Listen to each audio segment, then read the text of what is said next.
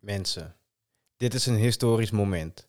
Jullie staan op het punt om de allereerste aflevering van It's Just the Right, de podcast, te beluisteren. Deze hebben we opgenomen met niemand minder dan de most outspoken weed grower of the Netherlands volgens Forbes magazine, Doede de Jong. Helaas heeft Doede het uitkomen van deze aflevering nooit meer mogen meemaken. Doede is 12 maart 2022 op 72-jarige leeftijd te komen overlijden aan de gevolgen van kanker. Wij zijn enorm dankbaar hem nog gekend te hebben en zijn vereerd dat de bekendste wietkweker van Nederland onze eerste gast wilde zijn. En uiteraard zijn wij, hem eeuwig dankbaar voor zijn activisme en al het werk dat hij heeft verzet in de frontlinie om het verbod op cannabis op te heffen. Wij wensen de nabestaanden veel sterkte toe met dit grote verlies. Don't worry, don't be afraid, ever, because this is just a ride.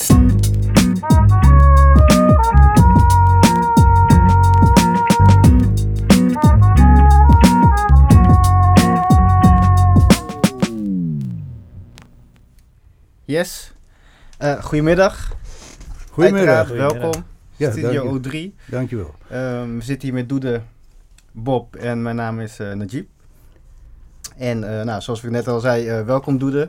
Je was hier al eens eerder geweest, geloof ik, gaf je net aan.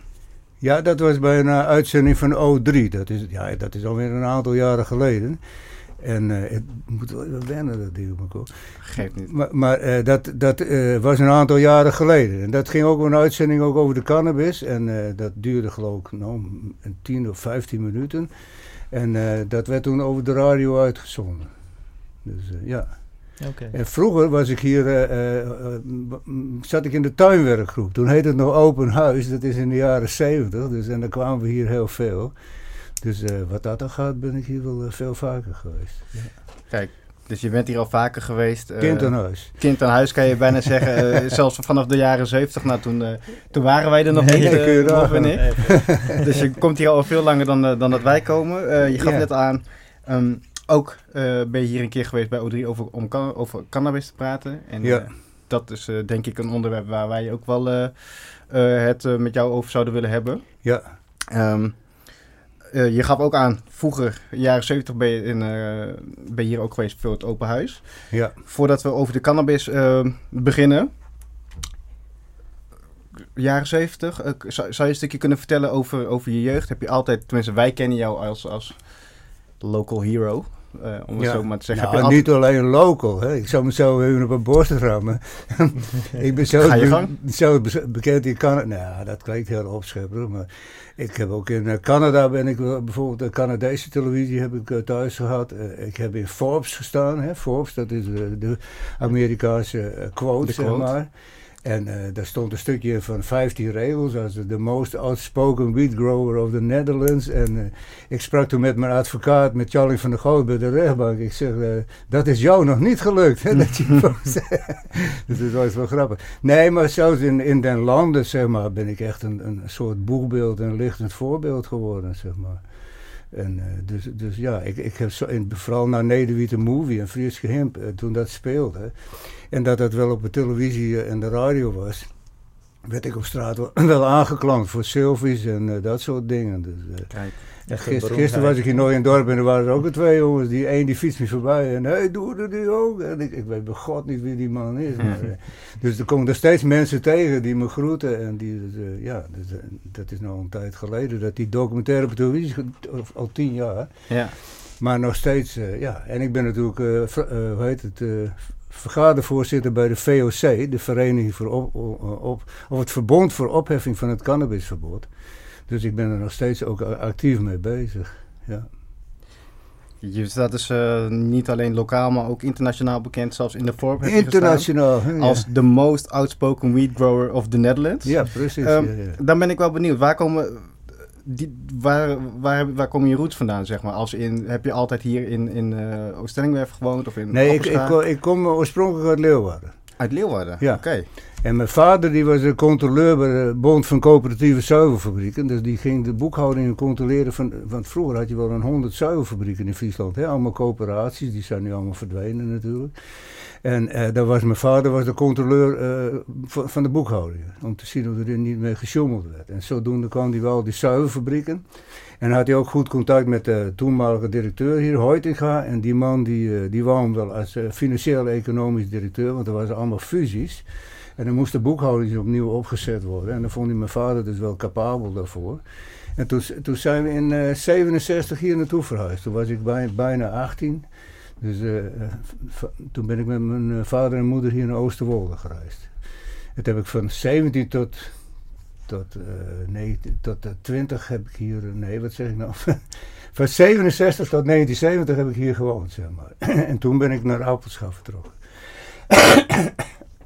En dat is nog steeds waar je, waar je toen kwam te wonen, daar woon je nu nog steeds? Ja, daar woon ik nu nog steeds. Ja, dat was een oud boerderijtje, zeg maar, aan het eind van een pad van anderhalf kilometer. Dat was een blubberpad.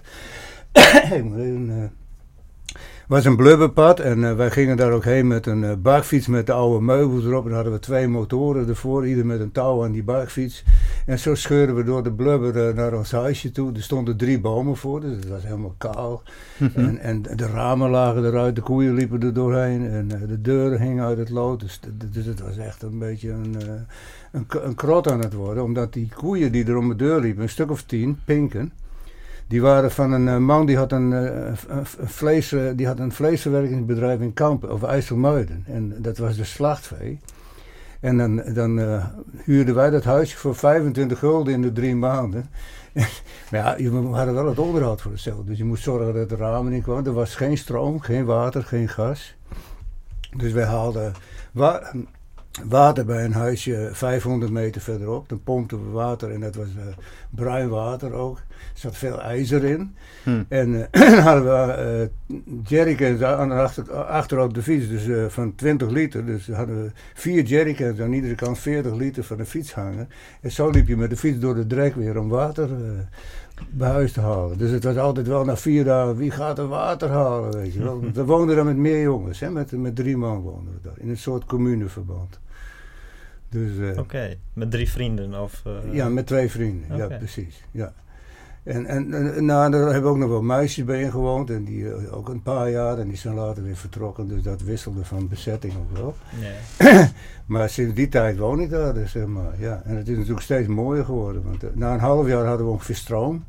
En gas hebben we nog steeds niet. En water hadden we ongeveer na tien jaar pas. Oké. Dus tien jaar lang water uh, Nee, dat niet. We haalden het ook wel uit de put vandaan. We hebben ook een, regenput. En dan gooiden we bijvoorbeeld in een melkbus dan, door een zeef heen. En dan had ik een, eh, een pijpje naar binnen toe. Dan had ik daar een kraan aan. En zo hadden we dan weer een soort waterleiding, zeg maar. Ja, heel primitief. Dus we waren ook altijd heel zuinig met water. Later gingen we eens op vakantie, bijvoorbeeld in een huisje op Vlieland of de Schelling. En dan, uh, dan draaiden we ook altijd meteen de kraan dicht. Hè. Dus, tjop, want god, je moest geen water morsen. gewoon. Dus, ja. ja. Ik denk mensen die in gebieden wonen, waar, hè, nou, nou in Iran, waar een ontzettende droogte is. Ik denk als die zien hoe wij hier met water omgaan, dan reizen hun de haren ten bergen. Hè. Ja. ja. Oké, dus, dus je hebt uh, eigenlijk zolang als je bijna al leeft, uh, woon je hier in uh, Zuidoost-Friesland. Ja. Um, nou ja, dat, ja, ja. Ook, ook in Appelscha dus. Ja, precies. Want de, voordat ik je uh, nou, eigenlijk persoonlijk leerde kennen, kende ik je dus inderdaad van uh, Nederwiet de Movie. Ja. Um, daar gingen ze ook bij jou, bij jou thuis langs. Ja. Kan je, kan daar iets, een stukje over vertellen? Ja, het was zo. Ik had in, uh, in 2008 had ik een. Ik, heb in, in, ik ben in 89 overvallen geweest. Dat moet ik even vertellen. Ja, oké. Daar wil ik wel meer over vertellen, maar daar ga ik even naar voorbij. En toen heb ik in 1991, dat, dat heeft dus een ontzettende impact gehad. Ze hebben die mensen, die uh, vier man, die hadden ze na een paar uur te pakken.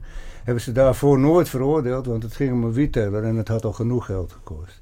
Dus dat heeft bij mij ontzettend kwaad bloed gezet. Dat doet het in feite nog. En, en uh, toen ben ik in 91 ben ik een kort geding in de zaak gestart. Dus uh, over legalisering van hennepteelt. En dat heb ik dus verloren. Dus dat was in 1991, hè, dat is al 30 jaar geleden.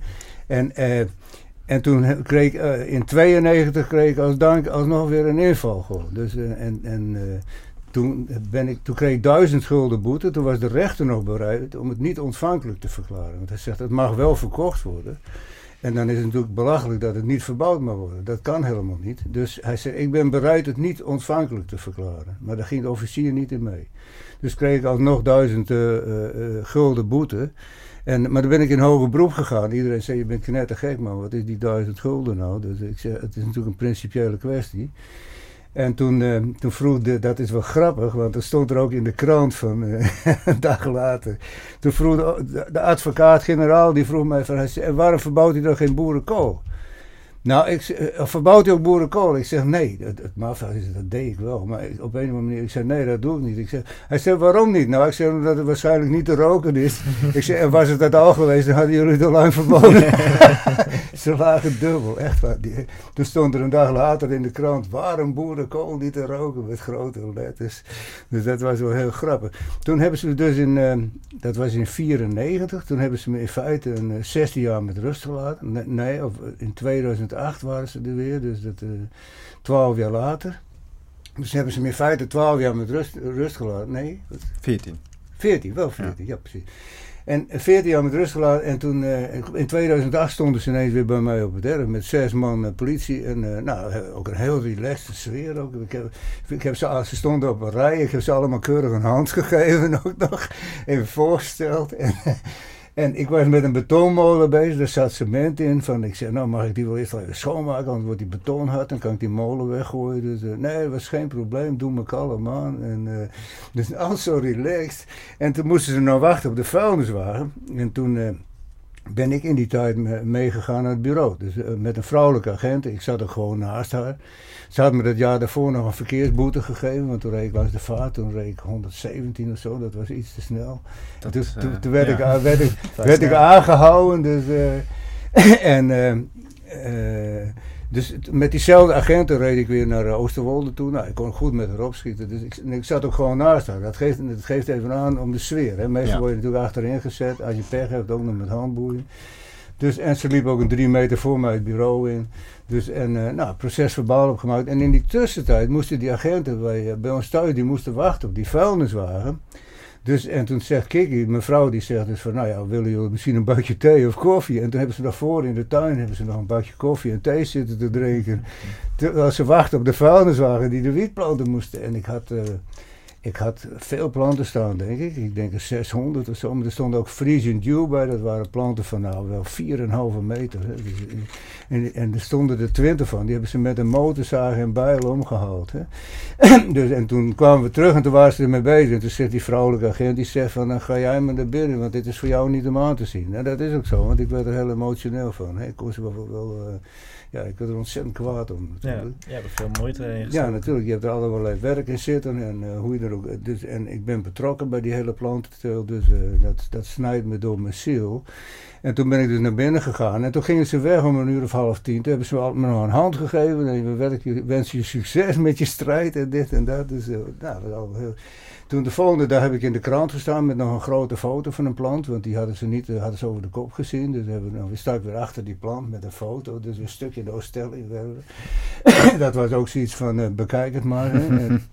En, uh, en toen ben ik dus in twee, 2009 kreeg ik een rechtszaak. Toen kreeg ik, ik meende 85 uur dwangarbeid. Dus uh, uh, werkstraf. Hè? Ja. Dus, dus uh, ben ik in hoger beroep gegaan. Dat was in 2010. En je, als je Nederwitte Movie ziet, dan zie je die rechtszaak. Dat is dat hoger beroep van die zaak van 2009. Oké, okay, ja. Dat kun je zien. En, maar dat was in december en in oktober kreeg je weer een nieuwe inval. Dus nog voor die hoge beroeprechtszaak kreeg ik nog weer. Dus je hebt, een, je hebt eerst een rechtszaak, dan krijg je een inval en dan krijg je een paar maanden nog weer een rechtszaak van die hoge beroep van die vorige rechtszaak. En eh, toen waren ze met veertien man, agressieve sfeer ook, met, met hondenvangers erbij, met van die grote stokken. Hè, hele akelige, totaal anders dan die andere keer, zeg maar. Oh. Het stond er, en, en uh, ik zei, ja, dat hoef je toch niet te doen. Je kent mijn honden toch, man. Dat zijn hartstikke vriendelijke dieren. Ja, maar je hebt misschien nieuwe honden. Ik zei, houd toch op, man. Dus die, die, die, agent zat zich er een beetje uit te lullen. Weet je ook waar dat vandaan kwam, dat, die verschillen in aanpak? De ene keer was het heel gemoedelijk, kon je voorin uh, zitten bij de agenten. En de andere keer komen ze met nieuwe honden. Dat is een goede vraag. En dat heeft heel misschien mee te maken, waarschijnlijk denk ik zelf, met Teven te maken. Fred Teven heb je het dan over? Ja, ja. Omdat die, die, uh, er was toen een, een cannabistribunaal, dat was in 2009, daar ben ik ook bij geweest. Dat was ook van de VOC georganiseerd. En, dat, en en toen, dat, dat werd ook gefilmd trouwens. Nee, dan moet ik even zeggen van, kom even terug bij Nederwitte Movie. Dus. Ja. had ik die rechtszaak in 2009 en toen uh, had ik contact met Nicole Maalsteed. Dat is een, uh, iemand die werkt bij de uh, Epicurus. Dat is een, een, stichting die met cannabis materie. En die uh, is ook een wetenschapper en die had ik contact mee en die zegt van, die belde ik mee, ik, daar schreef ik ook al mee, dingen voor de advocaat of wat ook, dat stuurde ik naar haar toe. Uh, had ik ook nog geen e-mail, dus ik uh, schreef een brief en dan schreef ik hem niet goed en dan schreef ik hem weer drie, vier keer over. En, en dan stuurde ik dat naar haar toe dus, en dan stuurde zij me weer advies terug. Ze hebben een aantal brieven heen en weer gestuurd. Haar broer was advocaat. En toen, uh, belde, en toen in 2009 naar die rechtszaak, ze zegt, nou, er zijn een paar mensen die werken aan een documentaire, Nederwiete, of dat heette toen, maar aan een documentaire over cannabis. En die zoeken een kweker. Maar ja, ze zegt, jij bent ermee opgehouden. Ik zeg, nou, ik weet niet wie je dat verteld heeft, maar dat is dus niet zo. Dus ik zeg, ik wil daar wel aan meewerken. Nou, vonden ze te gek. En, en zo ben ik dus bij Nederwitte Movie terechtgekomen. Oké. Dus, en uh, dan kom ik nou weer een bij die rechtszaak van 2010. Toen waren, zijn we dus aan het filmen. Toen zijn ze me in april gaan filmen, 2009. Ik heb er twee jaar aan meegewerkt. dus niet iedere dag, maar uh, ze kwamen geregeld bij me. En ze zijn ook eens een dag gebleven. Oké. En uh, ja, en, en uh, dus, want als je kijkt, er wordt natuurlijk maar een fractie van het materiaal gebruikt. Hè. Ze ja. nemen, weet ik, tegen aantal uren op. Ja. En, en, en, later denk je, god Christus, daar blijft weinig van over. Maar het is knippen en plakken mm -hmm. natuurlijk. En toen uh, in 2010, de, dat, in 2009 filmden ze dat ook. En toen was ik met Teven bij het Cannabis-tribunaal. Die zat achter een tafel. Hij was nog niet staatssecretaris. Dat is hij dat jaar daarop geworden, in 2010. En hij was, uh, er zat Jesse Klaver, Boris Terham en Van Nispen van de, van de SP. En Joldersma, meen ik, van de CDA, zo'n nitwit. En die, uh, in ieder geval, die, die, die, uh, toen zegt hij, Teven had iets over paddenstoel. En Dries van Acht en Van Leers, de oud-burgemeester van Maastricht, die zaten voor ons. Die waren het in feite helemaal met ons eens, dat het geregistreerd moest worden. en toen zegt hij, Teven had iets over paddenstoelen. En ik zei, nou, dat is helemaal niet, dat is niet waar wat hij zegt. Ik zeg, bovendien ik zeg alle drugsproblematiek, het is een soort slagzin, maar wel terecht. Alle drugsproblematiek tezamen is slechts een marginaal verschijnsel ten opzichte van de alcoholproblematiek en krijgt desondanks onevenredig veel aandacht. Waarom is dat? Hij zei, nou, dat doet niet de zaken. En ik werd pissed. Ik, ik, ik, had voor de tijd dacht ik al, dit gaat mis hè, met die man. Dus voordat je er gaat zitten, voel je juist al aan dat het gaat ontsporen of zo. En hij zei, nou, dat doet niet de zaken. Nou, ik zeg, dat vind ik anders wel. Ik denk, dat zal hij uitmaken. Ik zeg, bovendien, ik zeg, wie denkt u juist wel niet dat u bent om voor iemand anders uit te maken wat hij wel of niet tot zich neemt, terwijl hij er bovendien ook nog eens een keer geen last van heeft. En toen, die microfoon, die had me zo'n beet en die zat niet goed. En toen op een gegeven moment had ik net dus dan, weet je wel, dan knalt het de ruimte. Hè. Dus ik zeg bovendien, ik zeg, dat is een hele domme en arrogante houding, hè, ik tegen. Hij was pissed off. Het sloeg ook in als een granaat. Het was in Café Dudok, er waren 60 man of zo. Het was in één keer was het stil. Jesse Klaver zei, u moet niet geschelden. Ik zei, dat deed ik ook niet. Ik zei, jij moet beter luisteren. Hm. En hij zei, u heeft gelijk, mijn excuses. Maar die dikkop, die van Teven, die, die Teven, heeft me de hele tijd aan zitten kijken. Hij was pissed off. Van Acht heeft nog een verhaal gehouden. Dus het is normaal dat je elkaar een hand geeft. Het voor- en tegenstanders, hè, dat, die geven elkaar altijd als wederzijds. Maar hij is kwaad weggegaan. En in 2010 kreeg ik dus die inval. Mhm. Op zo'n agressieve houding. En ik zelf heb het sterke vermoeden dat dat met. Uh, want hij is in 2010, in het voorjaar, is hij staatssecretaris geworden. En toen heeft hij gezegd: we zullen die verder even aanpakken. Weet mm Dus en, en toen. Uh, toen kwam ik, dat was in 2010, toen kwam ik in 2011 met Nederwiet een movie op de televisie. En toen, toen heeft hij misschien helemaal gedacht, god, daar heb je die klootzak weer van, uh, dan moet het helemaal afgelopen wezen. En weet je wat het met Nederwiet een movie was? Daar heb ik dus de beeldvorming doorbroken. Dus ze onder, onder Balkenende, vooral en Rutte ook, hebben ze voortdurend gewerkt aan de beeldvorming. Hè. Dus het zijn allemaal criminelen die zich met hen bezighouden. Ze knippen elkaar de vingers af, ze schieten elkaar dood en de hele huizenblokken vliegen in de brand en dat steelt maar stroom. En, dus, maar voortdurend allerlei dingen naar voren halen om de cannabisconsument in het discrediet te brengen. Dat heeft natuurlijk allemaal niks mee te maken. Maar, en, en toen, dus dat is, het gaat om de beeldvorming. Hè? Dus dan kun je daar, als je die beeldvorming zo manipuleert, dan kun je daar op je repressieve beleid uh, baseren hè? en verantwoorden. En, en uh, nou kwam ik met Nederwiet Movie en dan zie je ineens een heel ander beeld. Zie, zie een, sympathieke kweker, neem ik aan, die leuk met zijn planten bezig op. Er is niks uh, crimineels bij, het is meer een heel, heel hippie gebeuren. En dat, dat verknalde die hele beeldvorming. Dus ik had hun beeldvorming, die ze zorgvuldig sinds 2007 hadden opgebouwd, had ik in één keer vernield in feite. Of aangetast. En uh, dat schoot hun in het verkeerde keelgat. Dus dat was in april de uitzending. Dat was in uh, de Westergasfabriek. Dus er waren veel mensen. Uh, Adriaan van Dis was er ook en uh, Jelle Brand Kostjes en Adriaan van Dis ook. Meneer, u bent een held. En ze stonden in de rij om een hand te geven. Ik werd op een podium uh, geroepen. Ik kreeg een, een ovationeel applaus. Nou, dat deed wel ontzettend goed trouwens. Omdat je krijgt in één keer zo'n zo'n warmte vanuit de zaal. Mensen die achter je staan. Dus dat is echt, ja, dat was wel een moment. dus en... Maar dat schoten de autoriteiten dus helemaal in het verkeerde keelzat. En toen, in, in, dat was in april, mei. En in juni werd ik op het bureau uitgenodigd. En toen kreeg ik te horen dat ik zou uh, uh, 200 kilo gefabriceerd hebben in één jaar met zeven oogsten. En ter waarde van 520.000 uh, euro. Terwijl ik helemaal geen lampen heb. Ik verduisterde niet. Dus je kan maar in principe één oogst hebben. Hè? Dus, uh, maar ze waren zeg maar zo uh, eager om mij als een heavy crimineel te te zetten, om die beeldvorming te corrigeren, snap je wel? Mm -hmm. Dus om dat te corrigeren moest ik als een vreselijke crimineel neergezet worden. Dus zijn ze in feite over hun eigen stok heen gesprongen. Want wat ze gevonden hebben in 2010 was hooguit 3 kilo. Hè, wat er aan planten nog stond. Daar maakten ze al 41 van. En toen kwam Nederwiet de Movie, toen werd het ineens 200 kilo.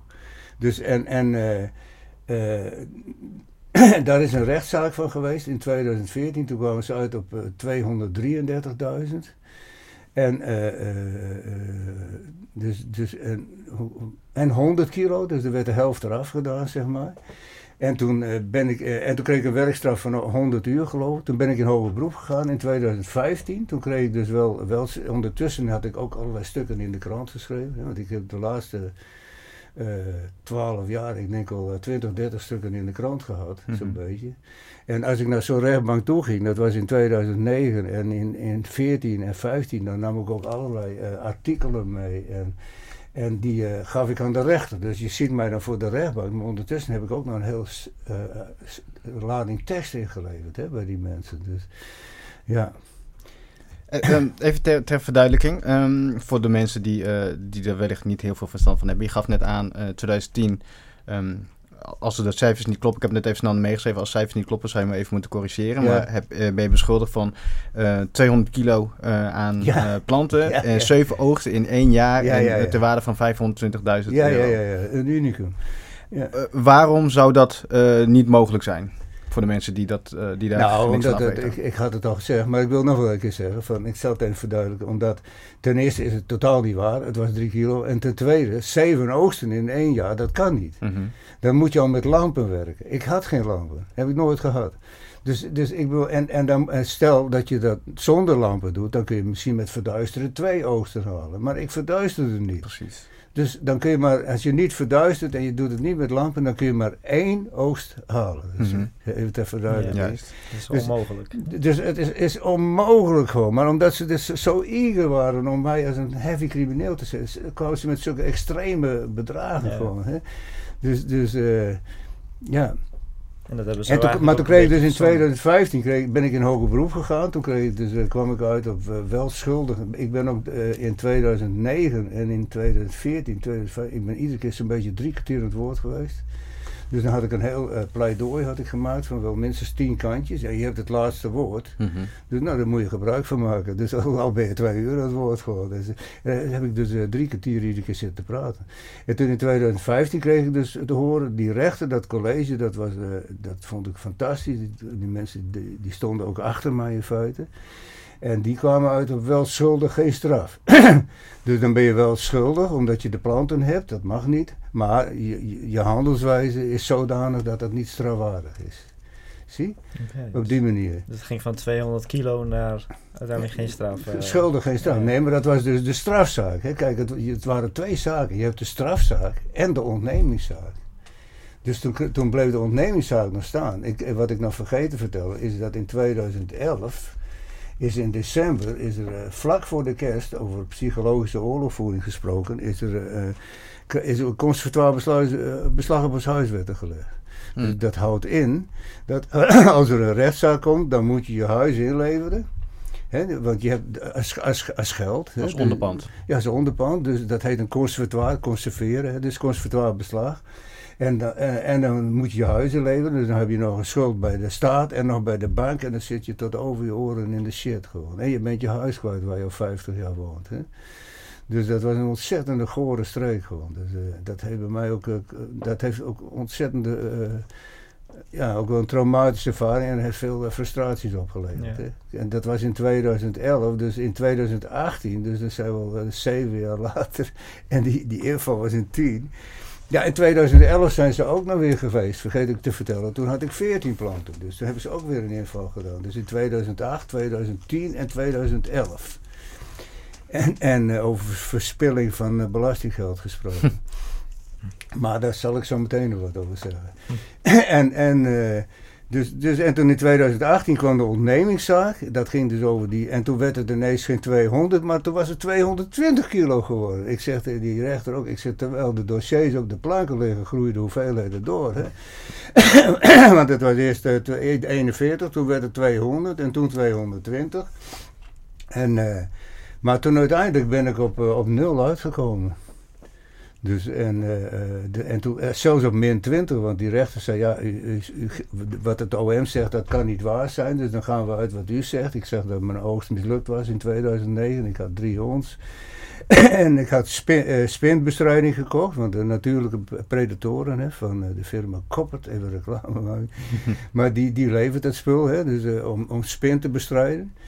En uh, dat had me 700 euro gekost. Nou, hij maakt een rekensom. En dan komt hij op min 20 uit, maar dat moet hij dan maar voor lief nemen. dus ik kwam in feite op nul uit. Dus, en dat is een ontzettend unicum, want het is nog nooit gebeurd dat een, een kweker met, het, het ging geloof ik om, eh, om, om bijna 300 planten, dat die is vrijgesproken, zeg maar. En ook nog eens een keer helemaal geen geld hoeft te betalen. Dus dat is in, op het hele westelijk halfrond nog nooit eerder voorgekomen. Mm En Knoops, die, uh, advocaat Knoops, die twitterde ook, het is leuk voor mijn ego ook, maar die twitterde ook van uh, groot respect voor Hennep Ridder X en zijn briljante schildknaap Tjalling van der Goot. Dus... Uh, en, en Maurice Veldman, een strafadvocaat, die zegt: dit, is ongekend wat er gebeurd is. Hij zegt: Iemand zoals jij, die het OM de snoeihard op aanvalt, in feite met een rode vlag aan het front staat te wapperen. Hij zegt: En dat ze die zo, uh, ze, die rechters, die hebben je op een, uh, op, uh, groot respect gehad en die hebben je op een voetstuk gezet. Mm En dat is dus ook zo. En dan was het in feite een politiek manifest richting Den Haag. En toen viel het dood. En er had in feite een discussie bij, in het kabinet moeten komen, maar dat gebeurde niet dat is natuurlijk ontzettend jammer. Ja, dan had je die, ik heb een, ben aan Nederwiet movie gaan meewerken, omdat die, die, ik een doorbraak wil forceren in die wietinpassen van wel verkopen, niet verbouwen. En, we weten allemaal wel, die, die plant heeft natuurlijk geen moer met criminaliteit te maken. Mm Als je boerenkool gaat verbieden en je gaat de verkoop toestaan, je gaat er belasting op heffen, dan krijg je dezelfde problemen. Het heeft geen reet met het gewas te maken. Maar alles met het verbod. Hè? Mhm. Kijk, criminaliteit is een gevolg van het verbod en niet andersom. Dus uh, ja. ja. Denk je ook te weten uh, waarom er geen politieke discussie is ontstaan? Uh, ondanks dat je, net dat je zegt, het is een unicum wat je hebt behaald eigenlijk. Ja. En, maar dat er ondanks dat geen politieke discussie is ontstaan, nou, terwijl het, het wel zou moeten. Ja, het verpante is ook dat John en Ines, dat noemen ze het model echtpaar uit Bierum, dat ligt bij Delfzijl, en die hadden ook een, een rechtszaak aangespannen. Van, oh nee, die waren ook al, ik meen, zes of zeven keer gepakt. En die jongen die, zet, die betaalde ook belasting. Die had ook uh, op papier staan alles. En uh, daar ging je, en die werd dus gepakt en die had een rechtszaak voor, eh, die, die kreeg ook te horen van wel schuldig, geen straf. en die zijn toen in hoger beroep gegaan. En uh, toen wou ze die zaak van hun, die wou ze ook tegelijk doen met die zaak van mij. Dus woensdagmiddag om half twee in hetzelfde gebouw op hetzelfde moment. Want dan konden wij ook niet naar elkaar verwijzen. Maar toen is die rechtszaak van hun is dus een, een maand eerder geweest of zo. En daar is in het kabinet wel over gesproken. Dus, en zij kregen dus te horen, hij, hij, hij was op een gegeven moment, gaf hij een papier aan de rechter dat hij geloof ik vijf ton had verdiend en, in een jaar tijd. En, en, hij, maar had hij ook opgeschreven hoeveel belasting hij betaalde. Hij had hij ongeveer 225.000 over. En dat had hij allemaal op papier staan. En dat deed hij om heel uh, transparant te zijn. Maar toen zei de rechter van ja, maar u bent doorgegaan voordat het definitieve vonnis er was. En daarmee speelt uw eigen rechter. Dus uh, ik was gewaarschuwd.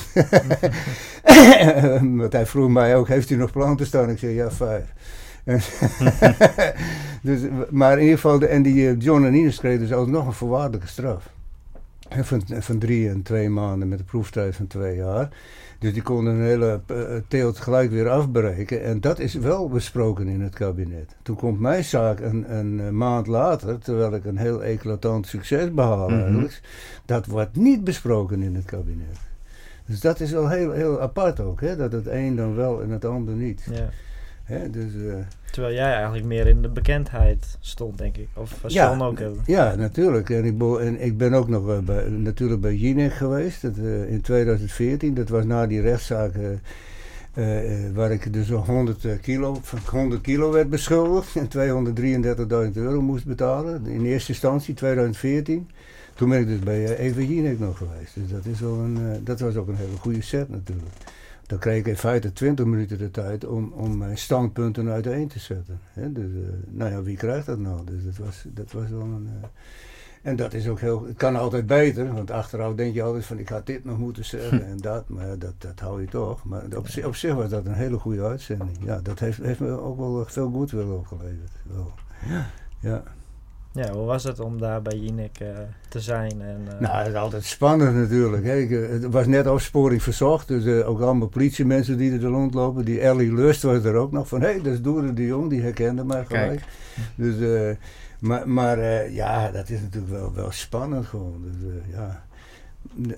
je zit daar voor de camera dus, en, en, het is een rechtstreekse uitzending. Dus je, de, de, niet knippen. Als je dingen verkeerd zegt, ja, dan verknal je het gewoon. Mm -hmm. hè.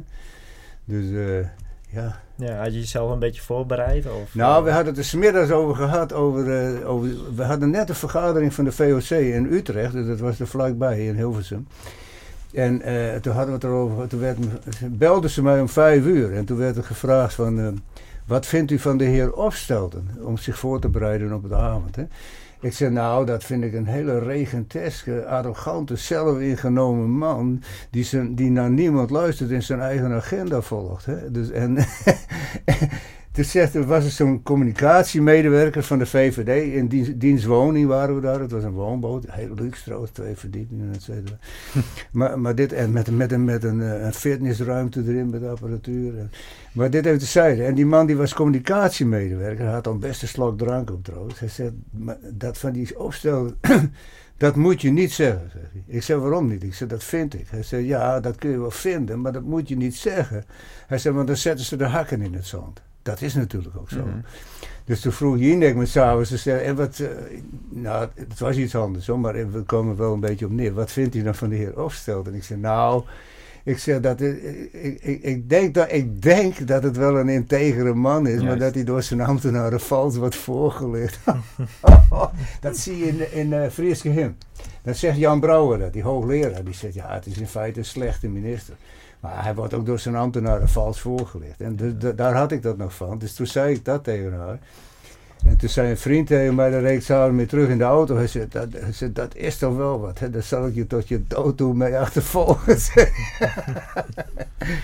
ja, soms, je kan wel hard stelling nemen, maar je moet natuurlijk wel, dat is net als voor een rechtbank. Je zit daar, eh, als ik dan buiten, dan zit ik daar bijvoorbeeld drie uur drie rechters. Je zit daar op het scherp van de snede. Hè. Dus gewoon, je bent zo, uh, en dan sta je buiten en dan ben je gewoon koud.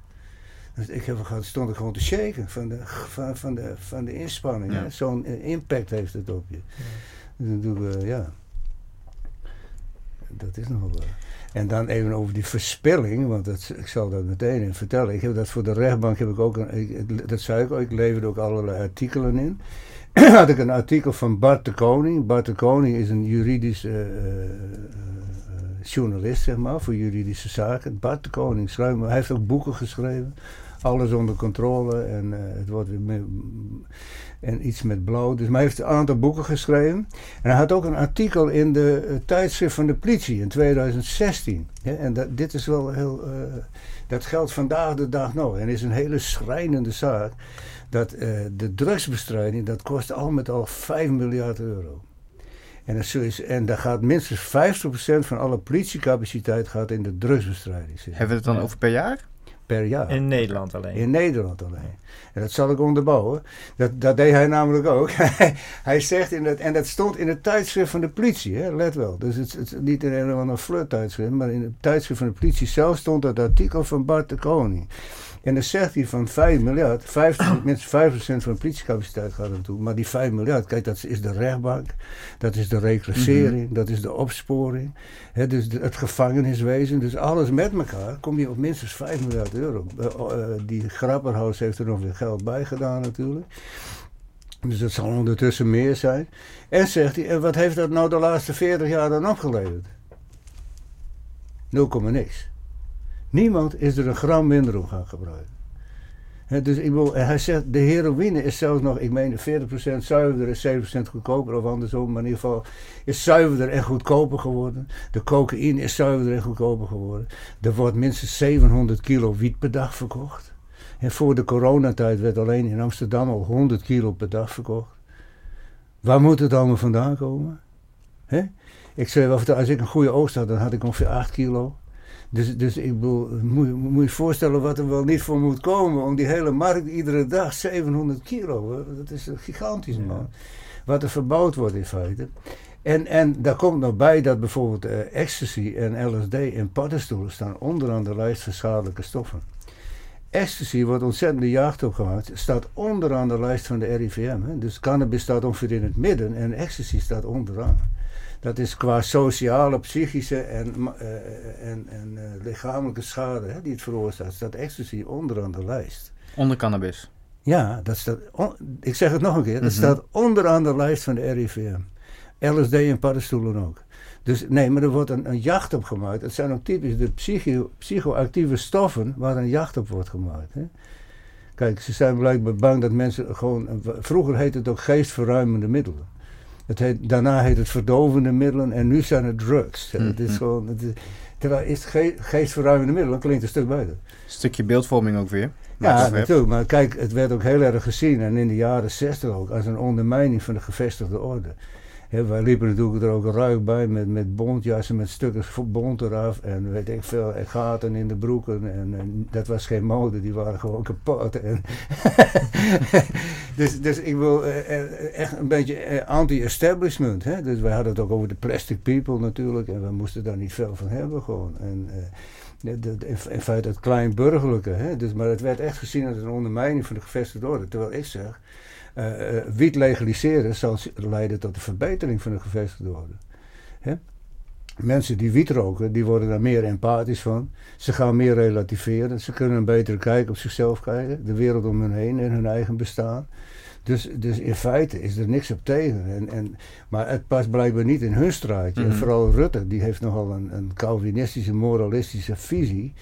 Ik zeg altijd, ze hebben een moralistische visie op menselijke deugdzaamheid. Hè. En dat is bijvoorbeeld vooral de christelijke partijen en Rutte. En, en, daar moet alles voor wijken in feite. Want een echte liberaal kan nooit voor een verbod zijn. In de beginselverklaring van de VVD is bijvoorbeeld in 2000, augustus 2008, staat trouwens ook in de grondwet, eerbiediging van de persoonlijke levenssfeer, integriteit van eigen lichaam en het recht op zelfbeschikking. En met alle drie facetten wordt de kachel aangemaakt. Dus, dus een liberaal kan in feite nooit voor een verbod zijn. Dus ik zeg altijd, die Rutte, dat is gewoon een, eh, een verkapte SGP'er, vermomd als liberaal.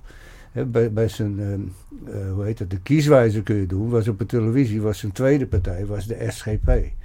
Dan kun je als liberaal, is dat natuurlijk heel vreemd, dat je bij mhm. zo'n conservatieve partij terechtkomt. En in feite zie ik hem ook als de kink in de kabel Dus als wij een echte liberale premier zouden hebben, dan waren wij van al deze ellende af. En hoef je ook niet, trouwens, die hele drugsbestrijding vind ik onzin, want iedereen moet zelf weten wat hij gebruikt. Het criterium is altijd, je moet met je consumptie een ander niet wat last zijn. Of dat nou alcohol is, heroïne of, of wiet, dat doet er niet toe. Je moet gewoon een ander dan niet, mee niet tot last zijn. Mhm. En als dat niet zo is, dan maak je dat zelf uit. Want het is jouw geest en jouw lichaam. En het is niet aan een ander om te bepalen wat jij daarmee doet. Hoe, hoe zie je dat dan voor je als je er dan ehm, hebt over, nou niet alleen cannabis, maar ook over andere soorten drugs? Um, in ideale wereld, laten we het zo stellen, is legalisatie van alle drugs dan voor, voor jou de manier om uh, eigenlijk van de... Van de criminaliteit af te komen. Ja, absoluut. Want je, je, ziet, je, ziet, nou, je ziet het bijvoorbeeld met, uh, met, met... Dat wil ik niet zeggen dat iedereen maar aan de heroïne moet. Maar kijk, het, het punt is dat in de praktijk gebruikt nou ook iedereen wat hij wil. Mm Dus die hele bestrijding is een fars. Ja. Het kost 5 miljard euro per jaar. Daar gaat 50% politiecapaciteit in zitten. vrouwen die aangerand worden, dat blijft soms een jaar op een plank liggen voordat het behandeld wordt, omdat ze de mancapaciteit niet hebben. Nee, mhm. je moet, en dan bij mensen natuurlijk planten uit de tuin scheuren. dat die met, met twee of drie planten eh, binnen of buiten, dan worden ze met gezin en al op straat gezet. Ja, dat staat natuurlijk in geen enkele verhouding meer tot, tot het, uh, tot het uh, delict. Hè? En dat is ook een schending van het verdrag van de Europese rechten van de mens de Europese rechten van de mensverdrag dat zegt van iedereen heeft recht op een privéleven. Dus dat houdt in, hè, wat ik net al zei, eerbiediging et cetera. Dus en, en in feite, uh, in Nederland, het is wat een ingewikkeld verhaal, staat ook artikel 10 en 11 en uh, discriminatie om wat voor reden dan ook is verboden. Artikel 1, hè, nou, wij worden duidelijk wel gediscrimineerd. Dus is het, is, dat hele verbod is in feite dus in strijd met de grondwet. Maar omdat wij hebben niet een constitutioneel hof, dat houdt in, die zou dat kunnen toetsen aan de grondwet, maar dat hebben wij niet. Dus een rechter mag dat niet verwijzen naar de grondwet. Dus dat mag alleen de Eerste en de Tweede Kamer. Dan is in feite de grondwet verworden tot een brochure met goede voornemens. Hm. Ja. ja. In, in, de meeste landen zijn een paar landen op aarde waar het zo is, zeg maar. Want wat ik voor de rechtbank ook heb gezegd van... Kijk, de staat die, die uh, staat de verkoop van verboden geteelde planten toe. Dus dan zeggen ze, en dan, zegt de, en dan gaan ze vervolgens daar belasting op heffen. Nee, ze, dan heffen er geen belasting op, belasting op. Ja, dat doen ze wel. Dat doen ze op de omzet van de koffieshop. Die mensen betalen allemaal belasting. Dat zegt de Hoge Raad. Winst gemaakt in een koffieshop is geen crimineel geld. Maar met die handelswijze toets je, dan lok je dus in feite de teelt uit de teelt van vermeende verboden activiteiten is verboden. Of dat is verboden gewoon, de teelt. Dus dat is in strijd met de grondwet, dat je dat uitlokt. Maar dat mogen wij dus niet weer dus zeggen, de staat die is dus in, handelt in strijd met de grondwet. Want dat mogen wij niet toetsen als burger aan de grondwet. Want we hebben niet een constitutioneel hof. Dan zou dat wel, ja het is een ingewikkeld verhaal, maar mhm. dan zou dat wel kunnen. Een hele kwalijke zaak natuurlijk. Want de staat loopt in feite de teelt uit maar, 700 kilo per dag, hè, minstens. Maar als ik je dan even mag onderbreken. Um, nou, vooruit. Kijk, voor deze ene keer. voor deze keer. uh, is, is, is, legalisering dan wel de. Um, uh, ja, absoluut. Want het verbod is het probleem. Hè. Kijk, ik, ik, ik spring een beetje van hak op tuig, maar dat die mensen uit hun huis gezet worden, daar kan ik dus ontzettend kwaad aan worden. Mhm. ik, ik heb ook voor de rechtbanken, uh, ook op, want kijk, je, ik zeg altijd, iedereen heeft het volste recht om die plant uit zijn tuin te halen voor zijn eigen welzijn, die hij of zij nodig acht. En of dat nou uh, kamille is, uh, salie, hennep of brandnetels, dat maakt je zelf uit. Mhm. Nou gaat de staat voor jou bepalen wat jij voor je welzijn uit je tuin haalt. Dat is krankzinnig. Ze gaan dus bepalen wat voor planten. Dus we hebben hier te maken met plantpolitie. Die gaat bepalen wat voor planten jij wel of niet in je tuin mag hebben. en dan voor je, het is voor je, ik zeg altijd voor je welzijn. Dat, want anders krijg je van ja, het mag wel medicinaal gebruikt worden, dus je moet eerst maar ziek worden, dan mag je hennep. Nee, dat is natuurlijk kletskoek. Het is voor je welzijn. en, en het is zo, ik heb voor de, voor de rechtbank ook gezegd, nou worden mensen gedwongen omdat ze geen planten in hun tuin mogen zetten, worden ze gedwongen om farmaceutische producten tot zich te nemen die ze misschien niet willen, of die minder goed werken, die ze misschien niet kunnen betalen. En het wordt hun verboden om een middel als hennep, wat een hele sterke medicinale plant is, wordt hun dat verboden om die uit hun. Dat is gewoon een schending van de mensenrechten. Dat is mhm. beneden iedere maat. dus ja, daar kan ik ontzettend kwaad worden. Ja, en ook dat mensen zo uit hun huis worden gedonderd. Ik heb voor de rechtbank ook gezegd, in 2018 was dat had ik een artikeltje van een uh, stel talkies in Amsterdam had ik, erbij gedaan. Klein artikel uit de krant. En daar stond in van, eh, die hadden al 13 jaar lang een buurt geterroriseerd. Hè? Dus dat houdt in van mensen voor de kop slaan, ramen en gooien met een, een, gezin met zeven kinderen of zo. Dus, nou, heavy, hè? Werden ze na 13 jaar werden ze uit hun huis gezet. Ik zet in die rechter. Ze hadden beter een paar hennenplanten in hun tuin kunnen zetten. En dan waren ze er morgen uit geweest. Om even een aantal de scheve verhoudingen aan te geven. Ja. Is natuurlijk krankzinnig. Je hebt je huis vol te spullen of je verkracht de halve buurt, dan word je nog niet uit je huis gezet. Zelfs als je een moord pleegt, wordt je huis nog niet afgepakt. Maar je hebt een paar planten in je tuin en je wordt eruit gesoden. Het, is, uh, het is God geklaagd gewoon. Ja. ja. En de Raad van State, die, en, en dat is de burgemeester mag dat beslissen. En de woningbouwvereniging natuurlijk. Maar ook de burgemeester, de wet van Damocles, houdt dat in.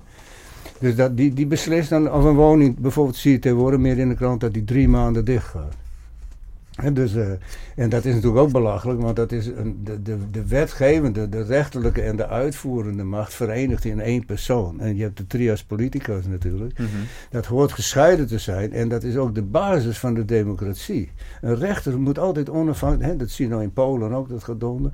Er moet altijd een onafhankelijke rechter zijn. En als je die, uh, wat het OM doet, die gaat via de burgemeester de rechter uitschakelen. dat is ook weer een truc.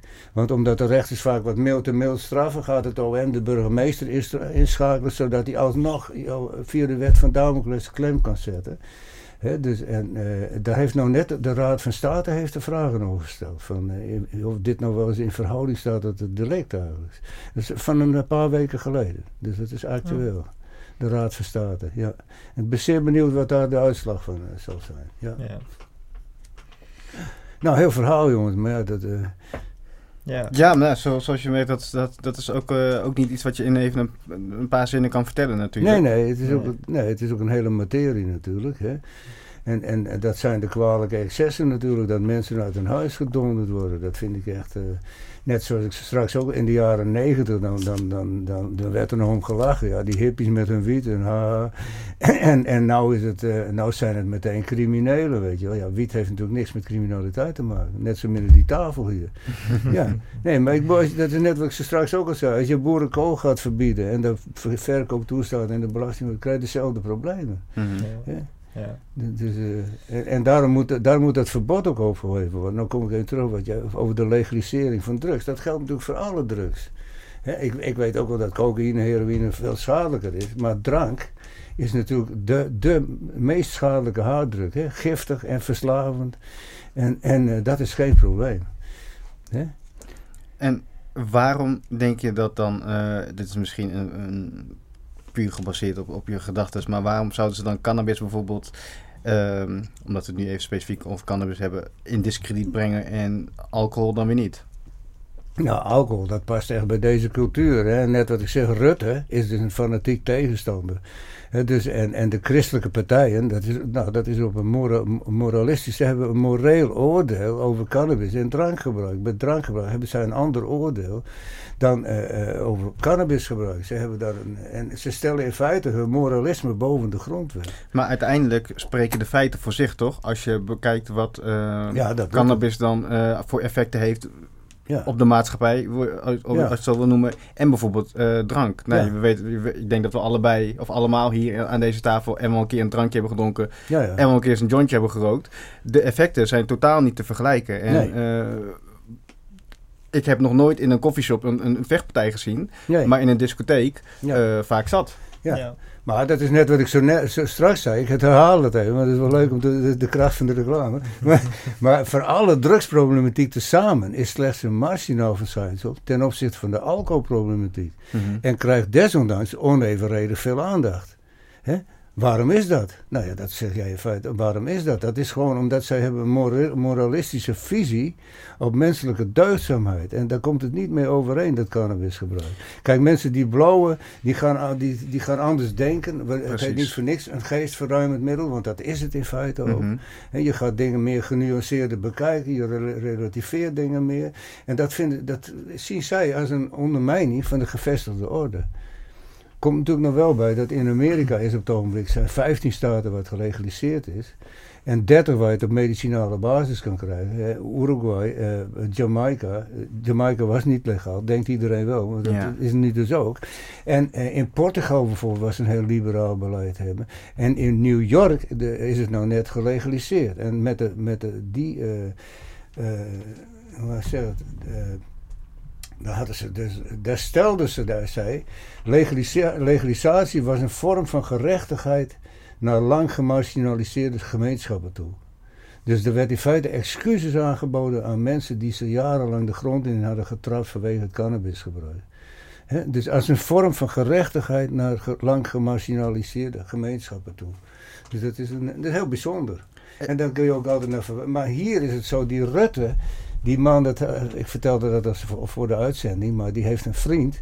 En die had een zoon van, uh, van 16 en die, die is overleden in verband met drugs. Ik weet niet of hij nou te veel heeft gebruikt of dat hij gesneuveld is, maar in ieder geval hij is overleden. En toen is hij, dat is al een tijd geleden hoor, misschien was dat in de jaren 95, maar toen is hij op de begrafenis van die jongen geweest. Dat is een vriend van hem.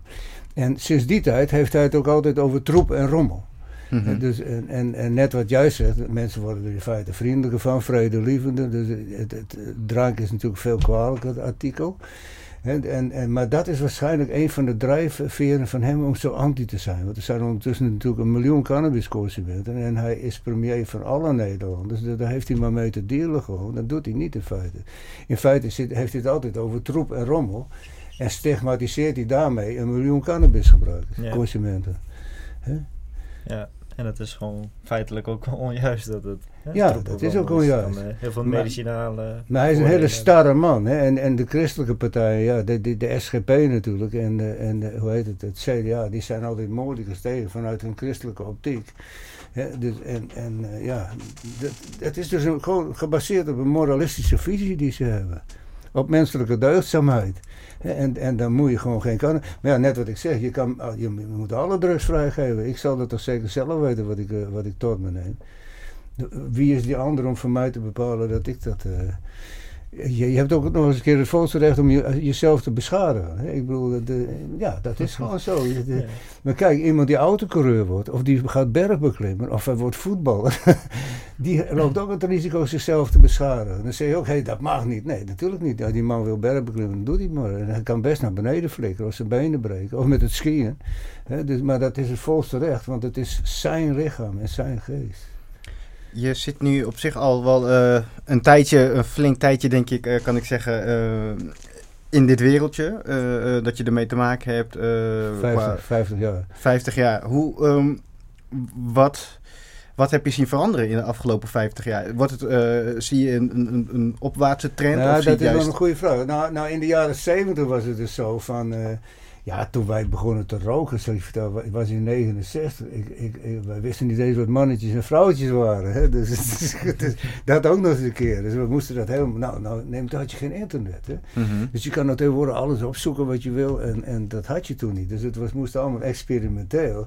En, en uh, in het begin hadden wij topjes, nou, dan hadden we kleine planten en dan haalden we de topjes eruit en dan hadden we niks te roken. Die gooiden we wel in de koekenpan en dan, dat was natuurlijk niet te doen in feite. Zo primitief, maar wel lachen. Maar in ieder geval, en, en toen in, in, uh, in, in 85 was het of zo, toen belde een vriend me op, hij zegt... Ik heb allemaal uh, planten, uh, dat ging wel over 140 planten. Hij zegt, ik heb allemaal resttopjes, heb je daar belang bij? Ik zeg, ja, daar heb ik wel belang bij. Dus uh, nee, eerst niet. En, toen later dacht ik, nou, laat ik toch maar eens gaan kijken. En toen kwam de Purple, zeg maar. Hè? Dus de Purple, dat was een revolutie. Daarvoor had je echt, was het een soort, over, over, wat er veranderd. Toen had je echt meer een soort boerenkool was het de hele tijd. Mm. Dat was slecht of niet. En toen in de jaren 80 kreeg je dus de Purple in één keer. Nou, dat was een revolutie, man. Godverdorie, dikke vet top en je werd er dan partij stoned van. nou, dus ik, ik rookte dat voor de eerste keer. Dus ik, die resttopjes, ik ben mijn vriend over de tuin heen, dus een Roger Rabbit, rrr, al die topjes eraf. Ik had geloof ik wel een, een aantal vuilniszakken vol met kleine topjes om te roken. Hè. Dus en... Uh, zo ben ik dus zelf in die witte materie ook gerold. Ja, ik had zelf vanaf 1970, maar toen wat, wat meer professioneel. En toen had je, dat was ook een andere tijd. Dat was meer de hippies die ermee bezig waren. Het, het, was ook, wij hadden dan bijvoorbeeld een oost en dan hadden we ook uh, hadden we vuur, zeg maar, en muziek erbij, er werd gedanst, et cetera. Dus, dat was een oogstfeest bijna. Ja, nee, oogst, ik zou het je nog sterker vertellen. Zelfs hier in dit open huis, of de Miente, hebben wij nog eens een keer een, uh, vrienden van mij een oogstfeest gegeven. Kijk. Er stonden er, uh, op de bar stonden de wietplanten ook en zo. In de zaal hadden we wietplanten staan. Dat is in dit gebouw, hè. Moet je vandaag de dag eens voorstellen. dus even over hoe het veranderd is, dat, dat, is wel actueel. Dus toen was het nog veel meer, een, en, toen, en toen kwam in de jaren negentig kwam die binnenteelt opzetten. Ja. En toen ging een hele hoop lui van die, die hè, we kwamen ook eens in de kroeg en ja, die lui met een maffe wit. En, maar toen zagen ze dat er geld in omging en dan gingen ze die rotzooi ook maar verbouwen, weet je wel. Dus, dus dat was een hele andere motivatie. Het was ook ineens een heel ander publiek wat zich ermee ging bemoeien. Mhm. En door die binnenteelt is dat helemaal veranderd ook. Hè? En net wat ik zei, in de jaren 70 had je ook een veel liberaler beleid. Dus in de jaren, na 95 is dat in feite in een neerwaartse spiraal gekomen. Veel meer repressie. dus, want je kan het je nou niet meer voorstellen dat we hier een oostfeest houden. Waar we nu zitten. Totaal niet. Met hennenplanten, met hennenplanten overal in de zaal. En dat er gebloot werd en, uh, en muziek en zo. nee, maar dus, dat is in feite is dat achteruit gegaan. Hè, heel erg. In 1995 stemde de VVD ook nog voor legalisering. Hè. Dus dat, en toen was het ook zo'n beetje 50-50, wel of niet. Het is zelfs nog eens een keer geweest dat Donner was toen minister. Toen was 76 uh, zetels waren voor en 74 tegen. En dat heeft hij naast zich neergelegd. Dus het, het, uh, en nou de laatste tijd is natuurlijk D66 zet zich er erg voor in, in de, in de, in de vorm van Vera Bergkamp, die nou voorzitter is. Die is ook met het wietplan gekomen dus uh, de aanvoer naar de coffeeshops, om dat te legaliseren, om tien kwekers aan te wijzen. Nou, dat gaat heel moeizaam. En, en bovendien, dan hou je nog hetzelfde probleem, want mhm. de, die repressie blijft. En worden nog steeds mensen met een paar plantjes uit hun huis gesodemieterd. Ja. Terwijl eh, de oplossing is natuurlijk, je moet die, uh, die wiet, uh, de wiet aanvoer naar de coffeeshops moet je regelen en tegelijk het verbod opheffen. Boerenkool is ook niet verboden. Dat kun je ook gewoon bij de groenteboer kopen, maar je kan het ook zelf verbouwen. En zo moet dit ook. Het moet in feite net als bier en wijn. Uh, je, je verbouwt zoveel als je wil. En als je het wil verkopen, ga je naar de Kamer Verkoop. Betaal je belasting, hou je logboek bij, krijg je kwaliteitscontrole. En zo simpel is het. Dan is het hele probleem uit de wereld. Dus het verbod is gewoon, ik zeg altijd, het verbod, we hebben hier te maken met een juridische kanker waar in feite de haard het verbod is. En dan, als je dat wil oplossen, zou je allereerst de haard moeten verwijderen. En dat is het verbod. Mhm. je, je begint maar met het verbod op te heffen en dan ga je dan maar, dan maar de aanvoer naar de coffeeshops regelen. want anders, anders, hou je nog, anders hou je nog dezelfde ellende. Mhm. ja. En dan heb je een klein groepje mensen die controle heeft en er geld aan verdient. ja, maar die koffieshop, dat is natuurlijk ook een pijn in de ass. Want die, die, aan de ene kant zijn ze onderdeel van het probleem. En aan de andere kant de oplossing. Want doordat zij er zijn, wordt er natuurlijk nog steeds verkocht. Hè? En dus, uh, maar aan de andere kant, zij hadden zelf al lang eens een keer uh, bijvoorbeeld een, zaak tegen de staat aan kunnen spannen als koffieshop. Maar de meeste koffieshophouders vinden het zo wel best. Want dat is de kip met de gouden eieren. Mm -hmm. En die willen ze niet slachten dus uh, kijk, dat heb ik in feite wel gedaan. Ik heb ben uh, Nederwiet de, de, de, de, movie gaan meewerken. ik ben in feite over mijn eigen schaduw heen gesprongen. Kijk, het was niet handig om dat te doen. Want ik boor, je, je, je boort je eigen handel helemaal de grond in gewoon. Dus dat was ik me terdege wel van bewust. Maar dat doe je om tot een oplossing te komen. En vervolgens word je snoeihard neergehaald. Dus het is echt, uh, ja, ja. daar ben ik heel slecht over te spreken. Ja. ja, uiteindelijk heeft het niet heel veel gebracht eigenlijk. Hè? Nee, want de repressie is eigenlijk alleen maar toegenomen. hè? Ja. Ik, ik bedoel, nou is het zo van, uh, uh, je kan ook al uit je huis gezet worden, worden door, omdat je met voorbereidende werkzaamheden bezig bent. Hè? Mm. Dus je hebt bijvoorbeeld een zak met meststoffen staan en een koolstoffilter en weet ik veel, en een paar ventilatoren. Dan heb je nog geen plant in huis en kunnen ze er ook al uit donderen. Mm. Ja. Nou, dat gaat als nee. meer ja. Kom op, gewoon, wat een idioot. Ik vind het puur fascisme in feite. Ja. ja. Ja. Nee, zeker. Ehm, waar ik eigenlijk persoonlijk ook nog wel even uh, geïnteresseerd in ben en benieuwd naar ben, is we zijn er eigenlijk, uh, het is heel even ter sprake gekomen, we zijn er eigenlijk ook al een beetje overheen gewalst. ja, gewalst inderdaad. maar toch denk ik dat het wel interessant is om dat even weer aan te halen, want je gaf aan dat je ook een keer overvallen bent. Ja, ja, ja. ja, Zou je daar iets meer uh, qua, ja, ja, dat, toedracht, uh, nou, dat, het? Is zo, ik, ik, heb, ik heb het, uh, dat zit me natuurlijk ontzettend, de hele traumatische ervaring. Ja, precies, vandaar. En, en, en ik heb dat bij allerlei rechtszaken heb ik dat ook, is dat ook naar voren gekomen. In 2009, in 10 en in 15 en in 18. De rechters die begonnen er zelf ook iedere keer weer over. Dat, ik heb de laatste keer ook gezegd in het OM. het zou, het zou te, te waarderen zijn als jullie eens een keer je excuses aanboden. Dat doen ze niet. Nee. Het OM, ik zie het OM ook als regelrecht tuig gewoon. Dus wat daar zit. Ik heb er geen goed woord voor over. Dat is ook met de koffieshophouder Johan van Laarhoven, die man die in, uh, in Thailand heeft gezeten. Hè, die, oh die, werd verdacht van, uh, van belastingontduiking, of hij nog wel of niet heeft gedaan, uh, van 20 miljoen. Dat doet er even niet toe, maar toen hebben ze die Thaise autoriteiten zo bewerkt dat die hem gearresteerd hebben. Zeg maar. En toen werd hij daar in de gevangenis gedonderd, heeft hij vijf jaar gezeten. Ja, dus alleen, alleen maar omdat ze gewoon. Ze, hij, hij uh, barbetje zou hangen. Hè? Ik weet niet of je de uitspraak kent. Barbetje zou hangen. Nee, ik niet. Nee, nee dat is nou. Je, je, zal toch, je, ze zullen je toch een hak zetten. Zeg oh ja. Oh, want ze hebben vijf dagen lang onderzoek gedaan in Brabant, allerlei coffeeshops invallen gedaan. En en ze konden met de landmacht erbij, de belasting, de douane, nou, noem maar op. En ze konden niks tegen die man vinden. En toen hebben ze hem uiteindelijk toch via de Nederlandse ambassade, de Thaise, die heeft de Thaise autoriteiten verwittigd. En die zeiden, ja, een koffieshop is een, een, een drugsdealer. De, de, die koffieshop zegt heel niks. Dus mhm. die man heeft er vijf jaar in een cel gezeten. Op 50 eh, vierkante meter met 50 gevangenen. In 35, 40 graden. Oh. Dus ja, dus, dus uh, ik wil, uh, slapen kon je dan nauwelijks, poepen en pissen in een gat in de grond. Dus, nou, om het even te schetsen. Hè. Ja. En, en, maar wat het OM dan in feite toe bereid is, om, wat ze mij in feite natuurlijk ook, ik ben niet in een cel geflikt in Thailand, maar wat ze mij dus geflikt hebben met die 520.000 euro, dus alles uit de kast halen om jou toch uh, barbetje zal hangen. Barbetje, dat is een soort kleren hangen. Die dat is een uitspraak van uh, je, je, je, zal hangen, weet je wel. Dus barbetje zal hangen. Ja. Dus, en dat hebben ze mij ook gevraagd met die, met die, uits, met die uitspraak. En daarom heb ik ook het OM, uh, die overval kom ik nou op omdat, dan illustreer ik het even waarom ik het tuig vind.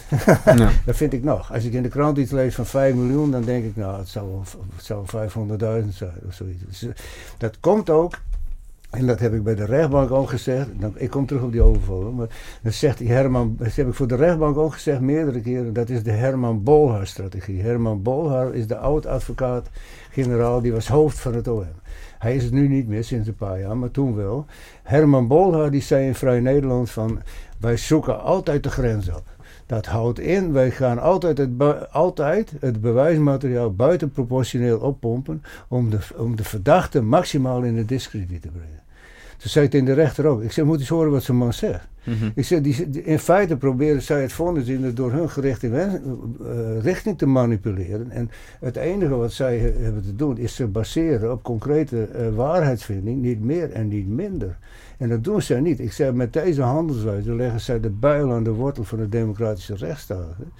Ik zeg tegen de rechter, kortom, er wordt aan uw stoelpoten gezet.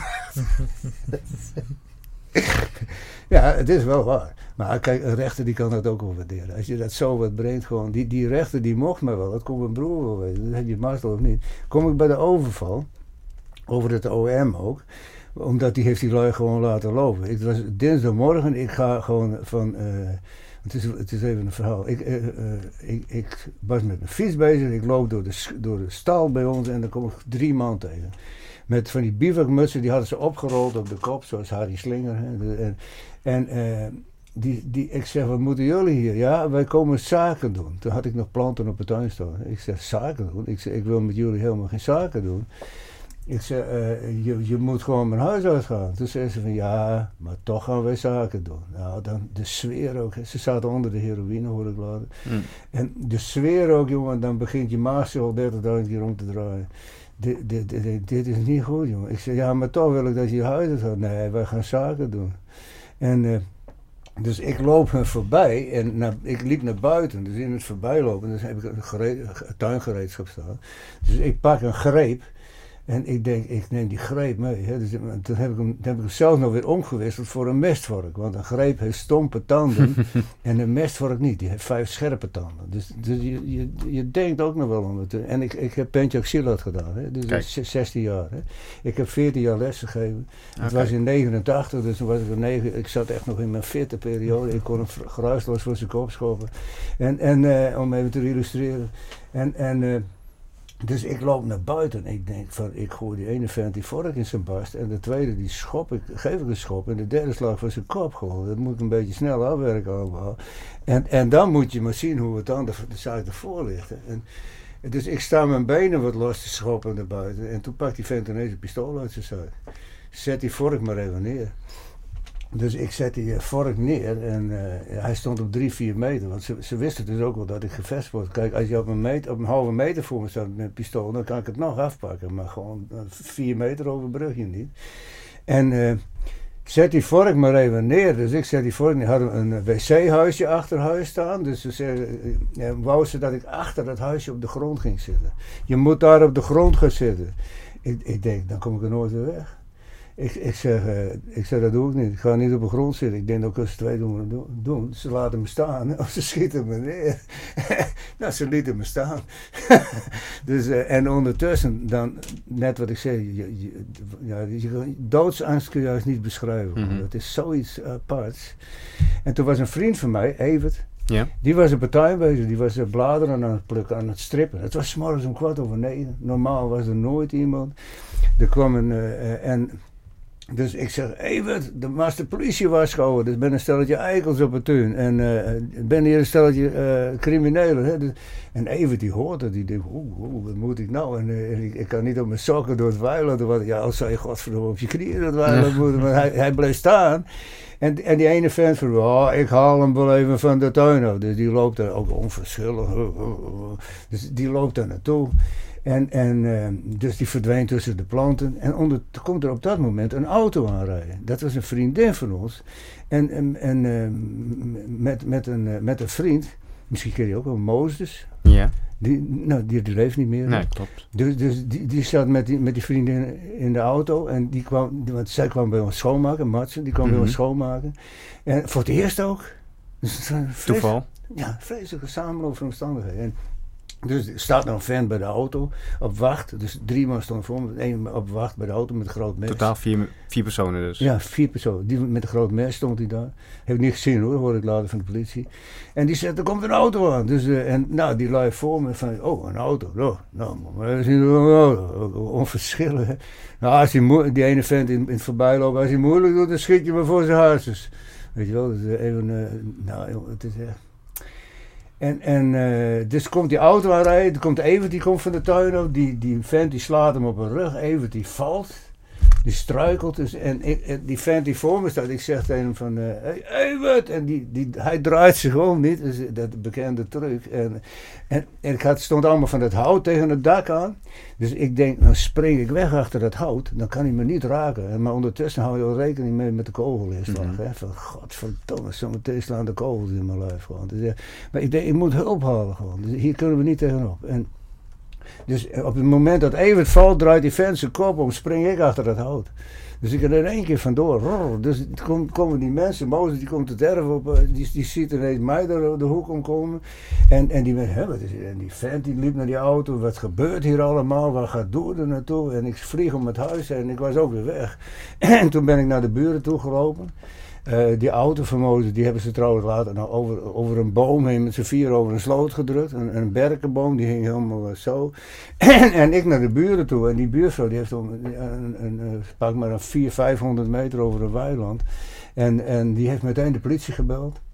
En die politie die was er met ongeveer nou, goed vijf minuten. Maar toen, in de tussentijd zijn die luiden vandoor gegaan. Die, die zijn er meteen gesmeerd. Die auto van over de sloot gedrukt. En zijn ze zelf weggereden die politie, dus ik met die politie naar het huis. Nou, ik zeg, je mag je pistool pakken, want ik zeg, die lui die zijn gewapend. Nou, nou die maakten ze niet zo druk. Mm. Waren ze er nou wel geweest? Ja, dan kun je toch bij die pistool maar pakken. Ja. Maar in ieder geval, dus, uh, die En toen die lui, die waren dus de, als een speer vandoor gegaan. Ze hadden namelijk een Ford Scorpio 3,2 injectie. En ik wist niet wat voor auto het was, maar Mozes wist dat wel. Dus die zegt in de politie, nou, het is zo en zo een auto. Dus toen gingen ze daar naar uitkijken. En toen werd hij dus, uh, waren ze op weg naar Drachten. En in Drachten zat een compagnon. En, die, en er was weer een vent in Appelscha, die, had, die kende ik vaak. En die had contact meer met die vent in Drachten. En zo kwamen ze weer bij mij om mijn deur. En eh, dus ze waren op weg naar die compagnon in Drachten. Ze door, kwamen ze motorpolitie tegen. Hebben ze het pistool uit de auto gegooid. Dat is door een vrachtwagenchauffeur is dat weer opgeraapt. Ze zijn gedraaid op de weg, zijn naar Bakcafé gereden. En daar waren ze net, hadden ze de weg opgebroken. Dus die, die, daar lag een grote bult zand. Zijn ze met die auto zo in die bult zand gereden. Auto los. Uh, zijn ze de weilanden in gevlucht met z'n vieren. En, uh, dus, en, en uh, een vliegtuig in de lucht, politie erachteraan door de weilanden heen, door sloten en alles. Dus ze hebben, hadden, kregen drie van die lui te pakken.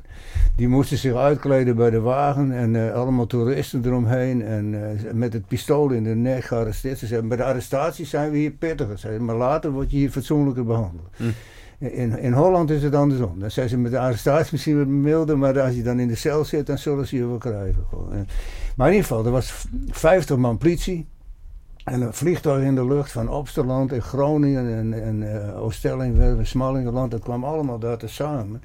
En toen s'avonds werd die vierde man die werd van een gejaagde fiets uh, geplukt. Want die was natuurlijk op, op weg naar die compagnon in Drachten en hielden hem in de gaten.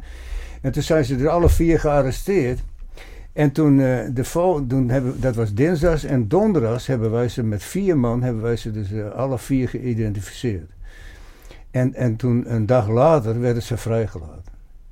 Dus dat heeft ontzettend kwaad bloed. Dan moet je je voorstellen, ze hadden dus, bleek later, hadden ze een week lang hadden ze drie auto's geleased. Ze hadden die Ford Scorpio 3,2 uh, injecties, ze hadden de grote wagen. Ze hadden twee van die busjes, van die Ford Transit busjes hadden ze gehuurd. Die stonden bij uh, Hulst en in Smilde stond er een. Daar hadden ze hmm. plakletters in van Groencentrum. Dus zo voorbereid waren ze. Hè. Ze hebben me een week lang geobserveerd van achter uh, kuilbulten en vanuit de bosjes hebben ze hem in de gaten gehouden. Totdat wij natuurlijk aan het oosten waren. En toen dachten ze, nou, nou moeten we weten, hoeven we het alleen maar in te laten. dus, en die werden dus na twee dagen vrijgelaten. En, en toen, uh, ik ben later nog op het bureau geweest, ik zei, zijn die lui al veroordeeld? nee, toen is de politie, had het proces verbaal gemaakt. Toen is een paar maanden later, is er nog weer twee polities geweest. Die hebben een nieuw proces verbaal opgemaakt. Die zeggen, ga je ook naar de rechtbank toe? Ik zeg, zeker, want ik wil dat die lui hangen. En uh, heb ik nog weer voor getekend, dat hele proces, want het was waarschijnlijk al strubbelingen bij de politie zelf. Hm. En, en dat hele tweede proces verbaal is verdwenen.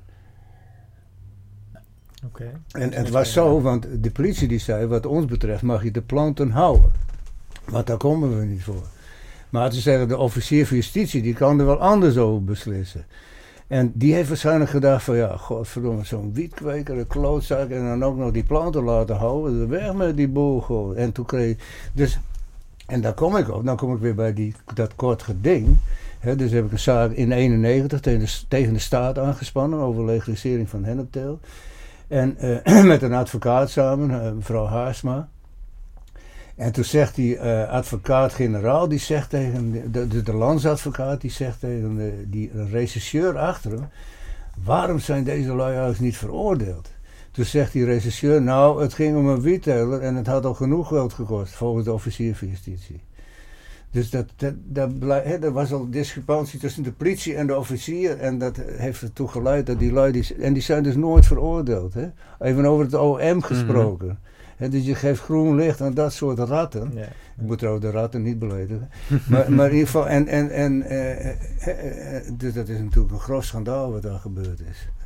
Dat, dat, lijkt me ook, want het lijkt me gewoon een, een, een een, klassiek voorbeeld van echt georganiseerde misdaad. Nou, je geeft aan... Uh, georganiseerde criminaliteit gesproken. Precies. Uh, nou, observeren en vervolgens ook echt met, met wapens komen. Ja. En dan dat ze uiteindelijk vrij uitgaan, dat lijkt me dat voor jou een, een, een super traumatische ervaring. Nou, dat, is het ook. En dat, dat is, ik ben natuurlijk in eerste instantie altijd ervoor geweest dat iedereen bepaalt zelf wat hij wil of niet doet. je moet er ander niet tot last zijn. Dat is bij mij. Dus dat had ik ook al toen ik een jaar of 19 was. dan liep ik bijvoorbeeld van huis naar de koffiebar. Koffiebar. was geen shop.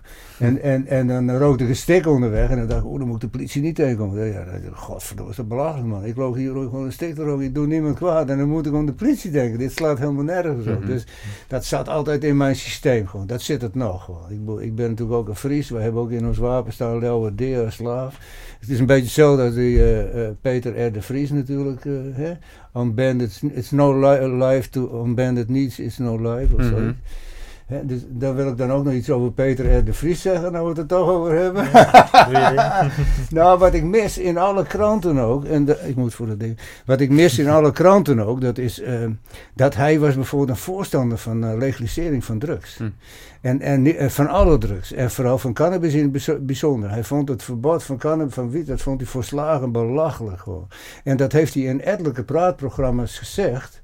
En dan wordt er de hele tijd over de drugscriminaliteit gesproken, zeg maar. Maar dat, dat, daar wordt niet aan, aan zeg maar, de, de, uh, dat is de erfenis van R. de Vries. Daar wordt niet aan gerefereerd dat hij voor legalisering van drugs was. Oké, ja, dat wist ik ook niet. Dat, dat is mij ook zo... Uh, ja, ja, in, in, uh, op televisie, hè, die, die praatprogramma's. Hè, dus heeft hij ettelijke keren gezegd dat hij gewoon. Uh, hij was in feite voor legalisering van alle drugs. Maar cannabis, dat vond hij volslagen krankzinnig dat dat verboden was. Dus, en dat heeft hij niet één keer gezegd, dat heeft hij meerdere keren gezegd. Wat vind je ervan terug in de pers? Ja, heel weinig, want wij weten ja, dus, uh, helemaal niks. Dit is helemaal nieuw voor ons dat hij, uh, helemaal niks. nee. legaliseren. Nee, maar dat is schandalig. Terwijl dat is heel belangrijk, want het gaat natuurlijk ook over die taggie en de hele drugscriminaliteit. Dus wat hij ervan. Hij heeft wel die Nabil bij, B bijgestaan, maar hij was dus in feite een voorstander van legalisering. En waar niet aan gerefereerd wordt. En waarom wordt er niet aan gerefereerd? Omdat hen dat niet te pas komt. Mm Ze houden maar vast aan repressie. Hè? Dat is natuurlijk onvoorstelbaar. Ja. Als, als je, nogmaals, het kost 5 miljard per jaar, wat je ieder jaar. In, en, en, als het dan nog zin had, maar er is niemand die er. Er wordt zelfs cocaïne wordt dan gepakt. Het is vaak ook nog wel zo, dan wordt er een partij gepakt, dan is het te veel. Dus dan zorgen die syndicaten er zelf voor dat die partij gepakt wordt, want hm. dan gaat de prijs omhoog. Ja.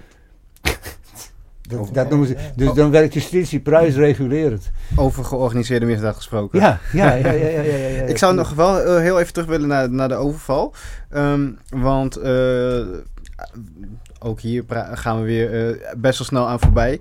Um, maar het is natuurlijk een hele traumatische ervaring. Ja, ik vroeg me uh, wel af, waren er uh, op dat moment, los van de mensen die in de tuin of kwamen aanrijden, ook nog andere mensen aanwezig? Nee, nee, nee, nee, nee, nee, En dat was ook toevallig. Hè? Ja. Normaal waren die er nooit. En zeker niet om kwart over negen s morgens. Dus, dus dat was allemaal vreselijk toeval was dat gewoon. Dus, mm Ja, ja. ja. mijn traumatische ervaring. Het is wel zo, als ik nou bijvoorbeeld een auto aan zie komen rijden. En vooral het is wat een grote wagen of wat ook. En, en vooral stel dat het s'avonds is. Avonds, ja. Dan denk je wel, godverdomme, wie zou daarin zitten gewoon. En, Precies. En, en, zijn ze, en dan ga je ook nog denken, uh, zou, dat, zou ze eventueel gewapend zijn? Of ja, ja, nee, dat denkt een normaal mens niet. Nee. Ik heb één keer gehad, toen kwamen de werknemers, die waren met dak bezig in 2006 in een grote fort. Eh, weet je wel, zo'n zo'n bak met een, met, een bak erachter, nou, een mm knots van een wagen. En er stappen drie man uit met zonnebrillen op. Nou joh, ik schrok met de pletter. Ik denk, dit is een overval. Toen zag ik de vierde man eruit stappen en die herkende ik gewoon. Ik denk, oh shit. Het, eh. maar toen, ja, dan gaat hij... Maar je bent ze altijd op je hoede eigenlijk? Ja, in feite wel, ja. ja. ja. Ben, ben je, uh, op mijn doede heet ik oh. ja, ja. ja. Mooi verstand. Eh, ben je niet uh, in de, in, nou, die overval in 1989, ben je niet, uh, nou eigenlijk geef je aan van net van wel dat je wel enigszins op je hoede was of toch wel een soort van bang dat het nog een keer zou gebeuren, maar toch heb je gewoon je ding weer verder gedaan. Ja, toch? Ik, ik wou me ook niet laten intimideren natuurlijk. Nee. Dus dat is ook nog een keer on bended knees is no way to live. Ja. Dus dat is en ja, en nu ben ik natuurlijk wel een, stuk voorzichtiger gewoon. Ik heb nou nog maar een paar planten staan. Ja. Dus uh, ja, dat kan niet meer. Dus, uh, ja. Nee, precies. Nou, um, wat. Uh, we hebben het natuurlijk nu ook heel veel over de, de het politieke klimaat rondom cannabis. Ja. Um, we zouden bijna vergeten dat het een hele leuke, een hele leuke plant is die je hele leuke. Um, nou, maar dat heb ik ook gezegd. Hè? Ja, nee, maar dat is wel goed dat je dat even aankaart. Want uh, dat zeg ik ook altijd. Kijk, dat heeft zij bij Jinek ook. Ze zegt, ja, maar je wordt er wel agressief van. Ik zeg, huh? Ik zeg, hoe kom je hierbij, man? Ik zeg, dat is juist ten oosten. Ik zeg, cannabis, als je dat consumeert. Ik zeg, dan word je. Ik zeg ook vaak consumeren. Hè? Dat is wat anders dan gebruiken. Mm -hmm. Want je hebt een drugsgebruiker, een heroïnegebruiker. Maar als je zegt, een cannabisgebruiker. Nee, wij zijn consumenten. Wij zijn cannabis consument. Ja. Dat, klinkt, dat klinkt een stuk beter. Ja. nee, maar even de toonzetting. Hè? De, dus, Beeldvorming uh, weer. Wat zei je ook alweer? Um, ja, nee, dat is... Dat is ja, dat vergeten. Dat, dat, dat, dat uh, bijna inderdaad... Nou, dankjewel Bob. Uh, dat, ja, dat de, bijna de, vergeten de, de, positieve eigenschappen. De positieve eigenschappen Nou ja, dat zei dus ook... Voor en dat heb ik voor de rechtbank ook gezegd. Hè? Dus ik, ik, en ik, dat is ook natuurlijk van... Ik zeg, je wordt er vredelievend van. Ik, ik, ik zeg, uh, je, je gaat meer... Uh, je krijgt, kan een betere kijk krijgen op je, op je eigen zijn, je eigen bestaan en de wereld waarin je leeft. Hè? Dus, je, je, wordt genuance, je krijgt genuanceerdere kijk, je gaat de zaken meer relativeren. Dus in feite zijn het allemaal hele positieve eigenschappen. Daarom zeg ik ook, het is, verbod opheffen zou een verbetering zijn van, van, van de samenleving. Je gaf het net aan, uh, een paar, een paar redenen waarom je, wat, de, wat de effecten zijn van cannabis. Is dat ook de reden waarom je zelf ook nog steeds jointjes rookt? Of, nou, ik rook helemaal geen jointjes geloof ik, doe je nu vapen, dacht ik? Ja, ik, ik, ik heb nou verdamper, hè, ja. vapen, ja, ja, precies. Dus dat, vond, dat kan ik ook iedereen aanbevelen trouwens. Want ik bedoel, dan, tabak heeft natuurlijk niks met cannabis te maken. Nee, dus nee. je draait vaak een checkje en dan doe je er ook maar wat wiet of hasjes doorheen. Dus ik bedoel, en zo gaat dat. Maar uh, ook als je het puur rookt, werkt het ook, ook anders. Minder vertroebelend. En als je vaporizer, werkt het nog weer anders. Je wordt er heel high van. En in feite krijg je meer THC binnen. Omdat door die verbranding gaat er ook THC verloren. Met een joint of een steek bijvoorbeeld. Ja. Of een pijp. Maar met vaporizer heb je dat niet. Dus dan krijg je in feite meer de pure THC binnen. En je verknoot je longen niet. Dus, en sinds ik dat doe, uh, hoest ik natuurlijk een stuk minder gewoon. Dus, of helemaal niet meer bijna. dus dat is wel een, uh, ja, dat kan ik iedereen aanraden. Vaporizer. Vaporizer. Dus dat okay. zou wel een uh, gezondere manier zijn van het consumeren. Ja, je kan natuurlijk, want er schreef er ook iemand in de krant van, heb ik ook weer op gereageerd. Er is ook nog geplaatst van, ja, maar uh, die wiet moet niet gelegaliseerd worden, want dan zijn we juist bezig om de tabakgebruik terug te brengen. En dan moet je de wiet gaan legaliseren. Nou, dan werkt dat helemaal niet. Ik heb gezegd, nou, er zijn allerlei andere manieren om te consumeren. Dus vaporizer, je kan het eten, je kan de thee verzetten, je kan er wietboter van maken natuurlijk. Hè, waar je weer cake van kan maken. Dus uh, dat heb je natuurlijk tegenwoordig ook veel meer, hè, die uh, vegetables, hè, waar je gewoon... Dus ik had laatst ook zo'n cakeje opgegeten. Nou, behoorlijk onder de pan. Ja. En het effect is ook heel anders. Hè? Als je het eten, eet, ja, is ook wel. Maar je kan ook gewoon een topje opeten. Ik ken mensen die doen dat. Die eten gewoon een topje op. Okay. En, en dan, uh, nou, maar je moet met eten altijd oppassen, want het werkt ongeveer pas na een uur. Ja. Dus hadden wij vroeger ook, want dan nam je een plakje cake en dan denk je, nou, dit werkt niet zo, we nemen nog maar een plakje. En dan hop, en dan een paar, na een uur, dan lag je onder de tafel. Mm. Dus, uh, mm. ja. ja. ja.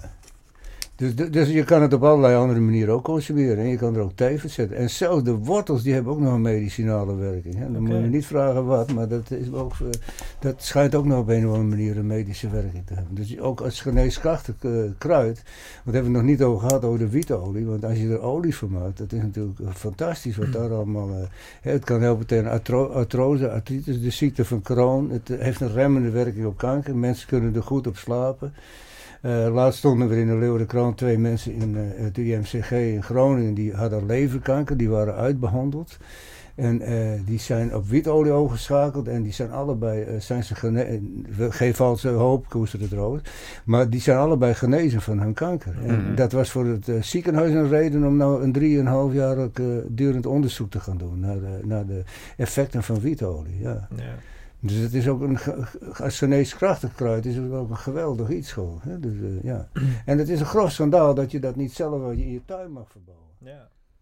Want dat zeg ik net. Je, dat, je een, je, dat je een plant uit je tuin haalt voor je welzijn, dat moet je zelf weten. Dat is niet aan een staat om dat voor jou uit te maken. Dat, want dat, dat houdt in dat je gewoon slaaf bent. Nou ben je het ook wel min of meer. dat is voor, voor de volgende afzend. ja, precies. Ja. Daar kunnen we dan wel eens dieper op liggen. Maar, Nee, maar ik wil natuurlijk van de gekken dat, dat zij gaan bepalen wat jij voor je welzijn uit je tuin houdt. En dan, dan, dan klinkt dat zo simpel. Dat heb, kom ik ook al tegen in den landen. Van ja, heb je die boerenloven met zijn tuintje. Maar, maar zo simpel is het. En wat je ook ziet, mensen die verdwalen heel erg in de mist. Er wordt van alles bijgehaald. Dat zie je in het algemeen met een hele hoop uh, andere zaken ook. Er wordt altijd een hele hoop mist verspreid.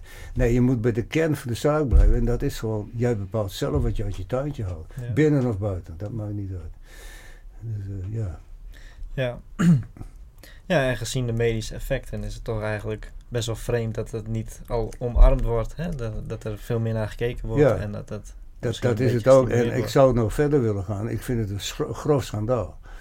En, en, en, het is ook een schending van de mensenrechten. En zeker is het in strijd, wat, wat ik zet dat ook wel, ik zit ook op Facebook, zet dat ook wel op Facebook, dat mensen moeten er meer aan refereren. Dat het in feite in strijd is met het uh, Europese verdrag van de rechten van de mens. En dat zei ik net ook al. Wij hebben niet een constitutioneel hof, dus wij kunnen niet verwijzen naar onze eigen grondwet. Het is een brochure met goede voornemens. Ja. maar, maar de Europese verdrag van de rechten van de mens staat boven de nationale grondwet. Ja. Dus als je daarna verwijst, dan kun je veel meer bereiken in feite. Dat moeten de mensen ook meer doen. Knoop het in je oren, verwijs naar het Europese Want dat mag wel. verdrag van... Ja, dat staat boven onze wet. Okay. En daar staat in dat je hebt recht op een privéleven. En dat houdt dus in hè, eerbiediging van de persoonlijke levensfeer, integriteit van eigen lichaam en het recht op zelfbeschikking. Dus dat valt onder dat verdrag. Dus als je daar nou naar verwijst, dan is, is in feite wat er gebeurt, is in strijd met het Europese verdrag van de rechten van de mens. Hm.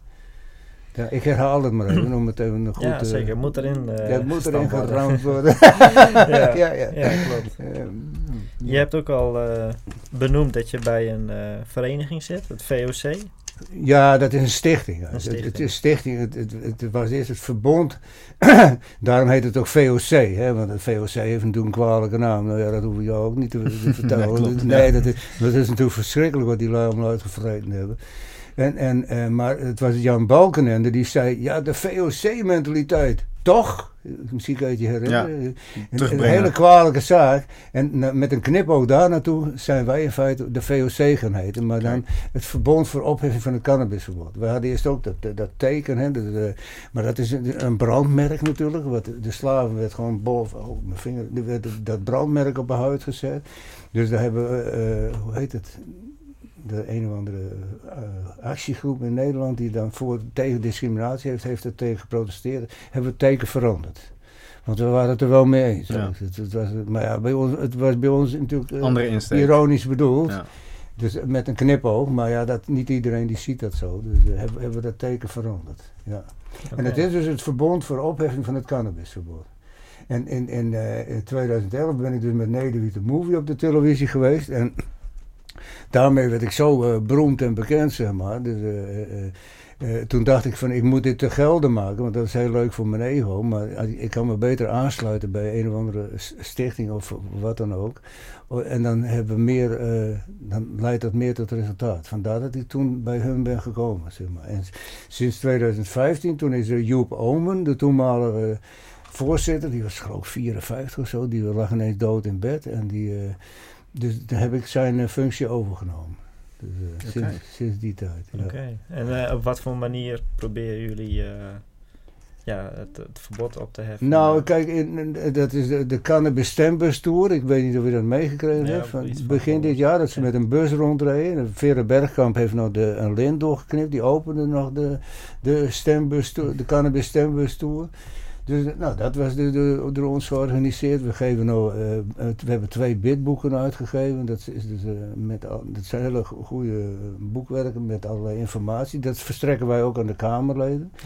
Nou, net is er een boek uitgekomen van uh, Wheat of Wonder. Dat is van uh, Sensiseed. Heel mooi boek. Er staat ook een hele mooie foto in van mijzelf. Okay. maar, maar dat, een groot boek, dat kost ook 35 euro. En dat hebben we dus ook in 50 boeken ook met allerlei drugs woordvoerders van de Tweede Kamer is naartoe gegaan.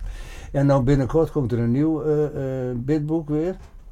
Dus eh, zodoende proberen wij dingen te bereiken. En, en we hebben een lobbyist in Den Haag, dat is een man van eh, 83, John Rosen. Die, die, eh, die probeert dus dan te lobbyen bij eh, partijen. En, en ik eh, heb nou net het eh, initiatief genomen om ja, begin januari al om eh, een gesprek met Rutte aan te vragen. Mhm. De- de- want ik denk, de gele hesjes doen dat ook. En uh, Kick-Out Zwarte Piet en weet ik wat nog allerlei anderen. Dus die man die neemt zomaar een uur de tijd om met je te praten. Toen dacht ik, nou waarom kunnen wij dat ook niet gewoon? Alleen ik stuitte op nogal wat weerstand en dat viel me tegen. Gewoon. Vanuit welke kant? Nou, vanuit de VOC zelf. Oké. Er werd ook gesteld van, eh, ja, kijk, als wij dat doen, eh, door John Rosen vooral, van, eh, ja, en als ik eh, inside informatie, maar doe dat, doe. Die, die zei van, eh, dan gaan wij bot vangen. Dus eh, je komt daar als een soort arbeider met de pet in de hand bij de directeur. Nou, ik zeg, zo zie ik dat helemaal niet. Ik kom daar gewoon als Doer de Jong en ik, kom gewoon, in de eerste instantie zou ik stellen van, wij komen op, eh, eh, op eh, in het belang van de samenleving en we willen op integere wijze gewoon deze materie aankaarten en zorgen dat eh, ook van gedachten wisselen, zodat u op andere gedachten gaat komen, hè, die meer in overeenstemming zijn met de realiteit. Dus op een nette manier en niet proberen die man af te fakkelen of te slim te zijn, want Rutte is natuurlijk een hele slimme man. Hij is een ontzettend goede debater, hij lult je zo de grond in, want hij weet je heel goed te ontregelen. Hij is een goede politicus. hè? Nou, toen had Dirk had geschreven. Dirk is de voorzitter van de VOC en die had geschreven in de highlight, die schrijft er ook altijd eh, columns in. En eh, van eh, Rutte is iemand die altijd iemand observeert en dan precies op de juiste knoppen weet te, dru- te drukken om te bereiken wat hij wil. Hij zegt, en eindigt dus zijn artikel. Er moet, ook, er moet ook eens iemand komen die bij Rutte op de juiste knoppen weet te drukken. Nou, dat dacht ik, hé, dat is een, waarom niet? Dat moet toch kunnen? En, en, ik, en, en er wordt er gezegd, van, ja, dan ga je bot vangen en dat is weer nadelig voor de VOC. Nou, dat vind ik helemaal niet. Want kijk, ik bedoel, eh, je probeert het gewoon. Hè, en het baat het niet, het schaadt niet. En bovendien, wij zijn kampioen bot vangen. Dus, we doen niet anders. Ja. Dus eh, wat is het probleem? En bovendien, je krijgt ook een stuk exposure. Hè? Kijk, als je naar die man toe gaat als stichting, als, als stichting, dan wordt dat gefilmd waarschijnlijk. Misschien kun je nog met een eh, reporter een vraaggesprek doen. Dus, en daarmee laat je gewoon de goede intenties van de cannabisconsument ook zien. Hè? Dus, dat is- Ja. lijkt- lijkt en, en ik heb het er ook met eh, wel meerdere hooggeleerde figuren over gehad. En die, die, die vonden het een heel goed idee eigenlijk. Dus je moet het nu ook doen. In de tijd van de formatiebesprekingen. Want dan kunnen ze het nog meenemen in die eh, besprekingen. De, gewoon het verbod moet opgeheven worden. Mhm. Zo simpel is het. Ja. En kun je misschien een beter beeld krijgen waarom hij misschien een bepaalde gedachte heeft over. Nou, hij, is, hij is een hele starre man. Hij is Ja. heel conservatief. Hè. Dat, dat, hij rijdt ook nog steeds in een oude saap. Omdat hij gewoon dat vindt. Nou, dat kan ik wel waarderen of zo. Maar hij, hij, hij, het is een hele conservatieve man. En heel star. Dus hij is, hij is moeilijk van, eh, van zijn pu- standpunt af te brengen. Gewoon. Dus, hè, de- en, maar ja, dat moet je dan toch proberen gewoon. Ja. Dus, dus nou, daar zijn we dus ook mee bezig. En er komt dus nog een nieuw eh, bidboek weer uit gewoon. Dus een, eh, Ja. ja. Dat is dan een soort, soort, groot schrift, zeg maar, van de, de 30, 40 pagina's. Met allerlei informatie, foto's, et cetera. ook. De vorige keer stond er ook een, de lijst van de RIVM stond erin, waar dus ecstasy onderaan staat. Dat is ook zoiets. Ecstasy staat dus onderaan de lijst van schadelijke stoffen. Hè? Dus en, en, en, en bovendien, ecstasy is ook, daar worden de mensen ook heel mellow van. En ze worden heel knuffelig. En iedereen, ja, nou ja, ik heb er zelf ook ervaring mee. Ik vond Ja. het geweldig iets. Dus, dus ja, wat is nou de fucking probleem, man? En, en, en bovendien in de jaren negentig was dat een, een, een partydruk en was totaal geen probleem. Het werd Mhm. pas een probleem nadat het verboden werd. En dan komen die blauwe vaten groot in beeld weer op de televisie, want dat kun je niet groot genoeg in beeld brengen. Dus, en, en, en dat is natuurlijk waardeloos, die Ja. troep in het bos. Maar ondertussen wordt wel ha- half Nederland platgespoten met Roundup. Hè, dus, eh, eh, want dat, dat gif over de weiland, als ik naar mijn zoon rijd in deze groen, dan rijd ik het voorjaar door de gele velden heen. En dan denk ik, godverdomme, dat staat in geen enkele verhouding tot die vaten, man. Mm. Maar komen nou die weilanden groot in beeld? Het, het zijn altijd, de drugs is natuurlijk een gigantische goede bliksemafleider. Hè? Dus er zijn problemen en je begint maar weer te zeiken over de drugs. Gewoon. Dan gaat alle aandacht daar weer naartoe. Ja. Vijf, vijf miljard per jaar wat over de balk wordt gegooid. Ik herhaal het even. Ja, ja, 5 miljard. Ja, maar, Maar- het is wel zo. Hè? En Wat, wat door de politie wordt onderkend, hè? ook nog eens een keer. Dus het is niet zo dat dat, eh, dat onderkennen ze zelf. Dus het is ge- geen fabel of kletskoek. En, en, en het levert helemaal niks op. Hè? Ja. Je geeft terecht ook wel redelijk, eh, wel redelijk terecht aan. eh, het gaat altijd over drugs. Is er iets eh, positiefs en dan kan het altijd weer richting drugs geschoven worden. Om, ja, om bliksemafleiders, ja. bliksem afleiden. Ehm, dan een beetje een koppeling maken naar, eh, naar het politieke klimaat. Je wilde een, een gesprek aangaan met Mark Rutte, wat je net ook Ja. aangaf. Ehm Adriaan van Dis, geloof ik, die, die noemde je net.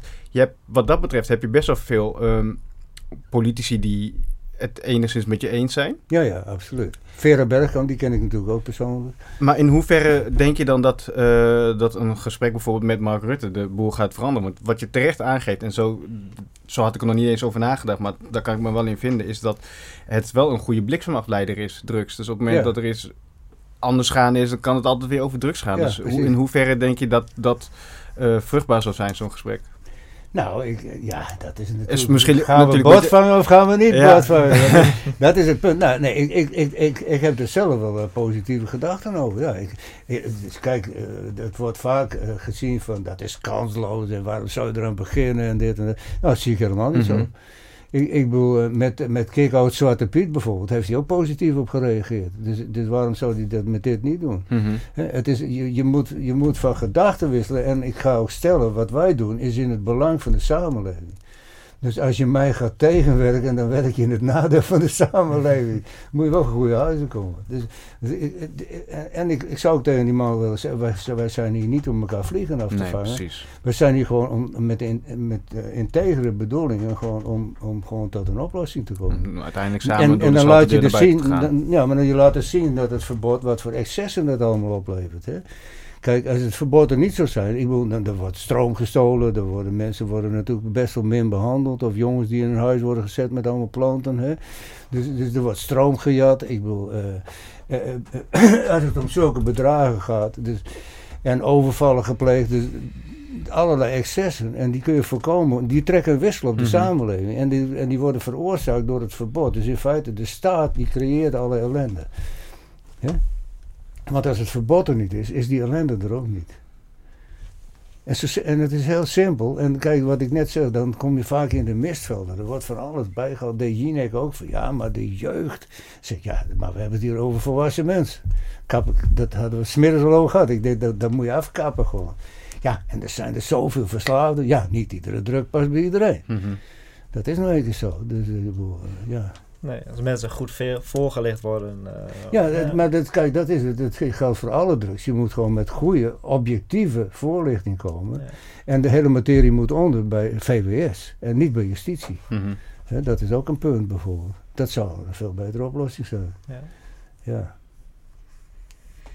Dus daar is eigenlijk ook al eh, heel veel werk aan de winkel. In ieder geval de, eh, de objectieve eh, informatiestroom over drugs. Ja, nou ja, dat, kijk, want als ik nou mensen vraag, van, dat doe ik wel. Wat vind je nou van LSD? Ik, ik, ik was altijd ontzettend LSD-liefhebber. Ik heb veel LSD gehad, gewoon, vond ik fantastisch. Kan ik ook iedereen aanbevelen. maar ja, je kan er ook van in de war raken. Maar, maar, maar het is zo van, je, ja, dat is een harddruk. Ik zeg, ja, maar hoe kom je erbij? Ja, dat weet je toch. Ik zeg, maar hoe weet je dat dan? Mhm. Ja, hoe- nou, dan- dan staan ze met een mond vol tanden. Ja, de- ja, dat wordt hen verteld. Maar kijk, het staat wel onderaan de lijst van schadelijke stoffen. Hè. E- Ecstasy hetzelfde. Als je mensen vraagt over ecstasy, ja, dat is toch een harddruk? Nee, dat is helemaal geen harddruk. Staat onderaan de lijst van schadelijke stoffen. Maar dat weten ze niet. Dus het is gewoon valse voorlichting. Bewust. Bewust. Ja, natuurlijk. Ja. Dus in principe zou daar al eh, de verandering moeten komen. Want degene, eh, laat ik het zo zeggen, de, de toekomstige Mark Rutters onder ons, die worden op dit moment dan ook al verkeerd eh Ja, maar weet je, die, die Teven en Opstelten, dat is natuurlijk een ontzettende puinhoop geweest. Het waren echt lui van repressie, hè, Mhm. de knoeter. En die hebben natuurlijk, en die, toen zijn er ook officieren van justitie opgeleid in, in hun denktrand. Dus daar zit je, je zit nu met de naweeën van dat soort lui nog in feite. Hè. Want dat, dat is een hele akelige tijd geweest van Teven en Opstelten. Mhm. Die hadden er nooit moeten zitten, maar ja, die zaten er wel.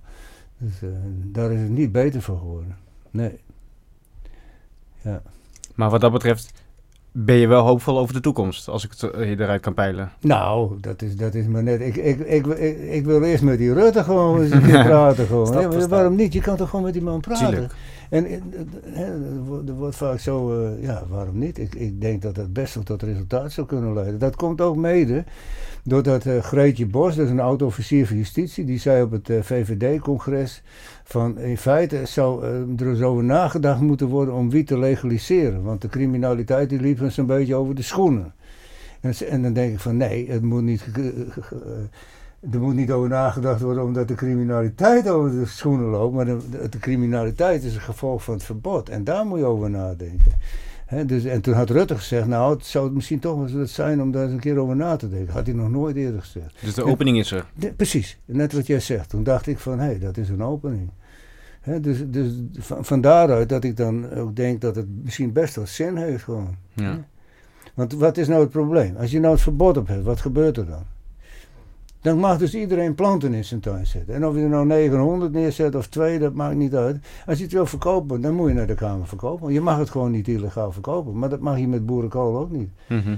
Ja, je mag een kratje bij de weg zetten, maar als je er 100 kratjes neerzet, dan... Dat is een ander verhaal. Nee, maar dat geldt dus voor alles. Dus dan is het probleem toch uit de wereld. Ja.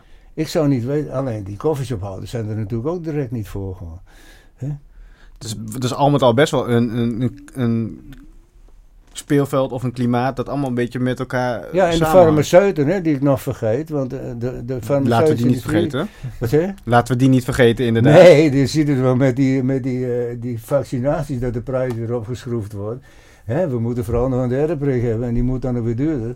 En, en ondertussen verdienen ze miljarden. Maar in 1928, moet ik ook even vertellen, is er een, een opiumwet aangenomen in Nederland. En dat ging over opium en heroïne en morfine. En toen is op het laatste moment, is onder politieke en farmaceutische gronden, is, is cannabis eronder geschoven. Dus wiet en hashish. Dat stond er eerst niet bij. En, dat, en toen zat in 30 tot 40 procent van de medicijnen zat, zat eh, cannabis verwerkt. Dus kun je nagaan. En toen is hebben zo gezorgd dat het verboden werd. En in feite is het in 1937 in Amerika verboden natuurlijk. Dat, eh, daar had je, eh, ik weet niet of je dat weet, daar had je de krantenmagnaat Hearst. En Hearst die had eh, miljarden had gestoken in de bosbouw. En eh, toen kwam ze ineens met een procedure om hennep, eh, van hennep papier te maken. Ja, dan kon hij vier keer zoveel papier uit hetzelfde areaal halen. Dus dat, dan ging zijn hele investering in die bosbouw naar de kloten. En die heeft toen ervoor gezorgd dat Enslinger, samen met Enslinger, dat was de hoofd van de DAA, de Amerikaanse drugsbestrijding. Die, dat was een vreselijke dweil van een vent. En, en die, eh, die ging ook mensen, die had bijvoorbeeld uitspraken, als een, als een neger een stik had gerookt, dan had hij het lef om in de schaduw van een blanke te gaan staan. Ik heb wel eens op Facebook gezet, ze moeten de restanten van die man alsnog in een ander universum tot explosie brengen. ik kon het niet ruiger bedenken. Wat een dweil van een Ja. vent, man. Ik, ik- en, en die werkte dan samen met Hearst. En hij had ook eh, eh, Edgar Hoover, die had, ik meen van CIA of de FBI, een van beiden. Die had hij ook aan de heroïne. En daar werd hij mee betrapt. En eh, toen, werd, toen zei, zei hij van ja, maar de man was verslavingsgevoelig. Dus als hij het niet deed, dan deden de Russen het wel. Kortom, hij had die man in zijn broekzak. Mhm. En, en, eh, en samen nog met een, eh, een vezelfabrikant, Dupont meen ik, en nog een minister van Justitie, hebben ze in 1937 dus voor gezorgd dat cannabis verboden werd. Het, het, het- terwijl Ja. daarvoor Lincoln bijvoorbeeld in 1865, die bepaalde nog dat boeren moesten zoveel van hun areaal met hennep verbouwen. Ook voor industrieel, want daar hebben we het nog niet eens over gehad. Het industriële Dat aspect. is inderdaad... eh, Want je kan er allerlei dingen van maken. Je kan er ook plastic van maken. Je kan er gewoon olie van maken. Nee, Eh, dat andere olie.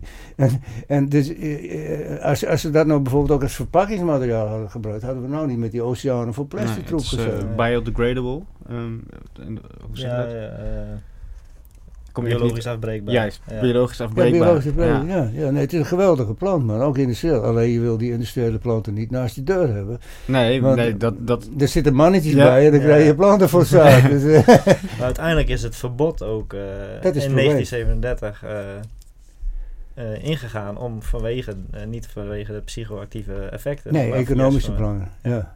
ja. Maar die Enslinger, dat was dus een vreselijke rat. Ja, ik moet de ratten weer niet beledigen, maar het is, want, want ratten zijn namelijk wel sociaal en intelligent. en, en, maar deze vent, de Mexicanen, had hij ook de pest aan. Die, eh, eh, marihuana is natuurlijk in feite ook een soort scheldwoord. Hè? Dus daar kwam hij ook mee aanzetten. Hij ging bijvoorbeeld mensen als Louis Armstrong, dat was ook een cannabist, hè, die puur eh, rookte. En, en Duke Ellington en dat soort mensen ging je vier jaar lang fanatiek volgen, zeg maar. Dat die, eh, want eerst was het zo, ja, die, die donkere mensen, ja, die, die, die rookten wiet en die waren weer wat lacherig van. Ze maakten ook nog wel leuke muziek, nou haha, geen probleem. Maar dat ging hij dus, hij ging ze het vuur aan de scheen leggen. Ging ze echt vier jaar lang fanatiek volgen.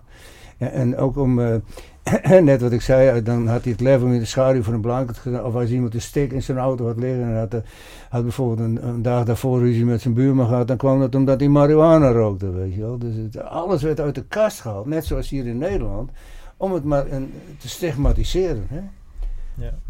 En net wat ik zei van uh, hier in het open huis, het is een mooi voorbeeld trouwens. Daar hadden we hier een, een oogstfeest en stonden de planten en dat kun je je nu niet meer voorstellen. Gewoon, dat komt door dat hele. Uh, ze zijn bewust een mediacampagne gestart om cannabis in het discrediet te brengen, onder balkenende. Hè? Ja. Dus, en daar zijn ze nog steeds mee bezig gehouden. Ja. ja, absoluut. Bewust een mediacampagne. Dus, nou ja, dat hele verbod is natuurlijk het probleem. Dus ik bedoel, uh, de, de staat creëert zelf het probleem. En er, wordt, en, en er wordt het afgeschoven. Het is net zoiets als van iemand een lijntje cocaïne neemt. Dan wordt gezegd van ja, maar dan, dan werkt hij wel mee aan de criminele activiteiten. en doordat hij dat lijntje neemt, is, is, de criminaliteit en krijg je zulke figuren als Staggy. Ja. Nee, het, dat wordt weer op, het verbod is het probleem. Als, als de staat het niet had verboden, dan was hij niet in overtreding geweest met zijn lijntje. Gewoon. Ja. He, je moet wel, dat is weer de mist. He. Je, moet, je moet wel de goede volgorde hanteren. Ja. Dus, uh, Ja, absoluut. ja. Het is ook best wel vreemd dat het hier in Nederland eigenlijk nog zo eh, op gereageerd wordt. Terwijl je naar Amerika kijkt en Canada, daar wordt het gewoon eh, in verschillende staten volledig gelegaliseerd. Canada is volledig legaal. daar. Ja, hebben we het over wiet. Ja, ja, Ja, ja. ja, ja, ja. Ja, maar net wat, ik, net wat we net over hadden, die Peter R. de Vries, dat wordt gewoon doodgezwegen. Terwijl dat is wel degelijk bekend hoor, Mhm. ook bij de autoriteiten. En de, maar het is journalistiek, ik noem het journalistieke luiheid. Want als ze het met opzet zouden doen, het achterwege laten, dan wordt het natuurlijk helemaal een kwalijke zaak. Dat kan ook nog, hè, dat ze met opzet er niet aan eh, refereren. Ja, Ja, niks is te gek. absoluut.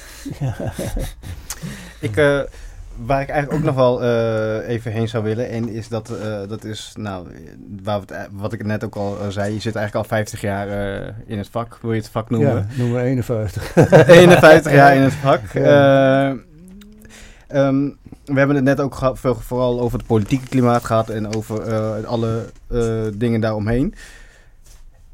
Eh, voor, laat ik het zo zeggen, je zit 50 jaar in het vak. Dus wat dat betreft, je hebt 50 jaar ervaring met het, ehm, eh, het kweken en alles eromheen. Ik denk dat dat ook wel een klein stukje is wat interessant is om even aan te boren voor mensen die eh, aspiraties hebben om een plantje in de tuin te zetten. Of, eh, of, of op zo. Nou, zolder zou ik dan niet adviseren op dit moment. Maar Nee, nee. stel iemand zou een plantje willen neerzetten. Wat zou, zou, je een paar tips kunnen meegeven? O- Nou, om echt ja, een, kijk, een ten eerste, het mag al helemaal niet. Hè. Het, het, wordt gedoogd. Ja, Dus, klopt. dus dat, het is zelfs zo, als jij wiet in de koffieshop koopt eh, en je je komt buiten, buiten, dan kunnen ze het niet afpakken. Oh, ze ja, het Ja. wordt gedoogd. Ja, maar ik heb betaald. Ja, niks meer te maken. Dus, dus, want het wordt gedoogd. Hè, dus, dus je mag in feite helemaal geen planten verbouwen. Dat ten eerste. Goed om dat te vermelden. Maar inderdaad. ja, dat moeten mensen wel beseffen. Maar er worden vijf gedoogd. Maar dan moet je niet in een huurhuis wonen, want in ieder huurhuiscontract staat tegenwoordig dat met hennep in of om jouw huis word je eruit gedonderd. Met kinderen en al. Dus, dus eh, ik hoorde ook net van iemand die eh, eh, in Appelscha, dat een tijdje geleden, die jongen, dat heeft ook in de krant gestaan, die, die, die werd ziek onder de douche onwel en die hebben ze de ambulance gebeld, maar hij kon moeilijk bij de trap neer. Dus eh, hebben, ze, hebben, ze, hebben ze alsnog de brandweer kwam erbij, omdat hij dan bij die trap neer zou kunnen. Er kwam de politie mee, die vond een paar stelletje planten onder lampen. En eh, hij lag in het ziekenhuis en hij kreeg te horen dat hij zijn huis uitging. Hè? Dus ik bedoel, eh, dat zijn natuurlijk hele schrijnende zaken gewoon. Mhm. En als iemand, en bovendien wat dan nog, als iemand een beetje bijverdient met wat lampen onder planten. Ik bedoel, iedere bouwvakker werkt zwart. Ja, dus ik bedoel, dat, ja, ja, ik bedoel, noem, mij een bouw, noem mij een bouwvakker die niet zo hard werkt. Ik bedoel, Benen. en, en dat vinden we niet een probleem. Is ook niet een probleem. Dus ik, om dat zo streng te straffen. Maar nou planten, ja, nou ja, je kan gewoon tegenwoordig, als je bijvoorbeeld op eh, Samnesia seed ziet, dan zie je al eh, 100, eh, dan zie je al links op de site zie je al 128 eh, eh, Soorten. zaadtelen staan. Nou, telen zelfs. Ja, je houdt het niet van mogelijk. 128 of zo. En dan kun je dus zelf invullen. Site van Samnesia is dat. En dan kun je zelf invullen wat voor plant je wil. Dus of je hem hoog wil hebben of laag, eh, vroeg eh, rijp of eh, laat rijp. En, en hoog THC-gehalte of la- laag THC-gehalte. C- eh, tegenwoordig kun je ook planten kweken CBD. met 1% THC en 5% CBD. Dus, dus dan kun je zelf in feite uit, neerzetten wat je wil. En dan krijg je precies dus een rijtje planten in beeld die voor jou dus aan toepassing zijn. En dan kun je dat zaad bestellen.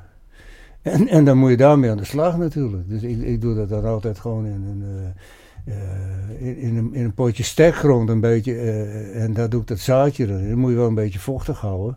En dan na een paar dagen dan komt dat boven. En nou ja, dan heb je een plant. Hè? En die zet je in de tuin. Kan je ook nog met, met altijd wel soort kalk bijvoorbeeld, met kalk bemesten. beendermeel erbij, niet te veel, maar dat is dan voor, voor fosfor, voor de topvorming. En wat ik zelf ook gebruik is brandnetelgier. Dus dat is eh, stikstof en de mineralen zitten erin. En dan douw je gewoon een lading brandnetels in een emmer of in een ton. En dat laat je 7 tot 10 dagen staan. Dan haal je die brandnetel eruit. En dan heb je brandnetelgier. En dan, eh, dan ruik je dus ook wel waarom het gier heet. ja, het steekt ontzettend naar stront. Het is echt een hele, hele gore geur. En dan doe ik dat bijvoorbeeld eh, in een verhouding van 1 op 4 of zo, of 1 op 5. En dat giet ik dan weer bij de planten bijvoorbeeld. Je kan er ook mee spuiten, eh dus brandnetelgier, dat je dat eh, vernevelt eh, tegen, tegen eh, insecten. Dat eh, kan je ook, ook proberen. Dus eh, ja, en, en, en eh, eh, eh, er is ook een site, hebben wij van de VOC, Kweekveilig.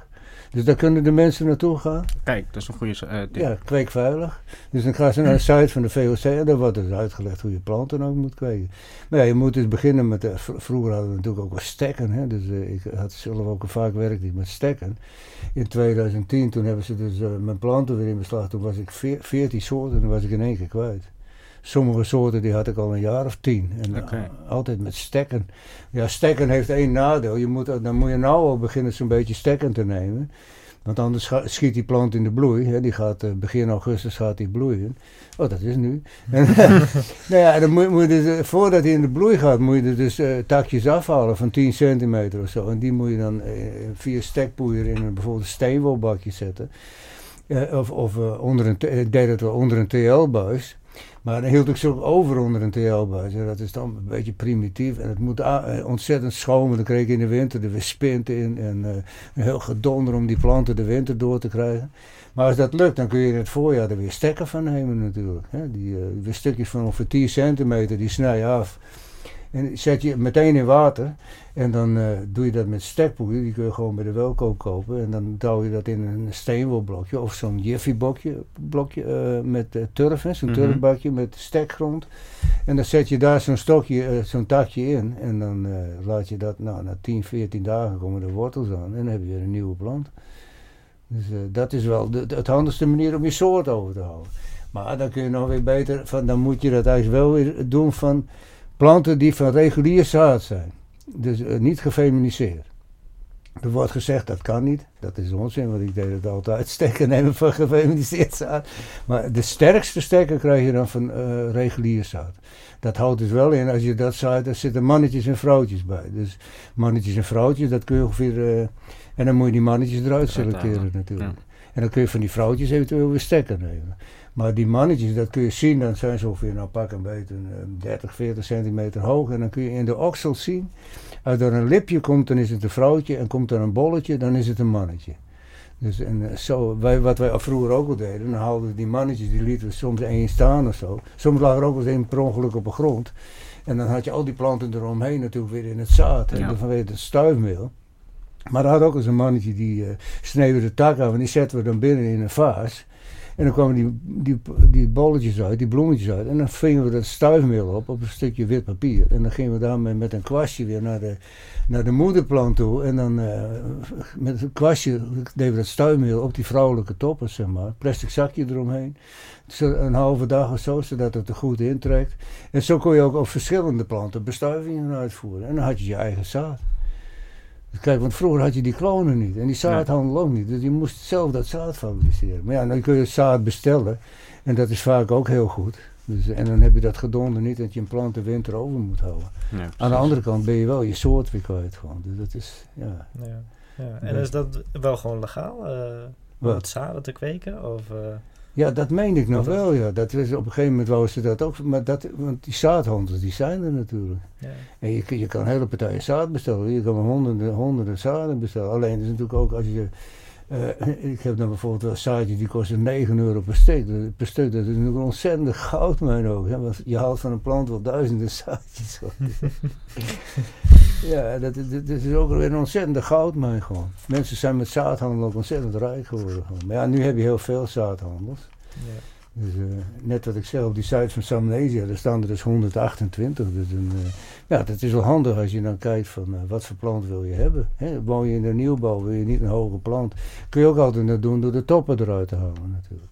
In het voorjaar, als die plant pak een beetje een 30, 40 centimeter, dan ga je de top eruit halen. Dan gaat hij zich splitsen.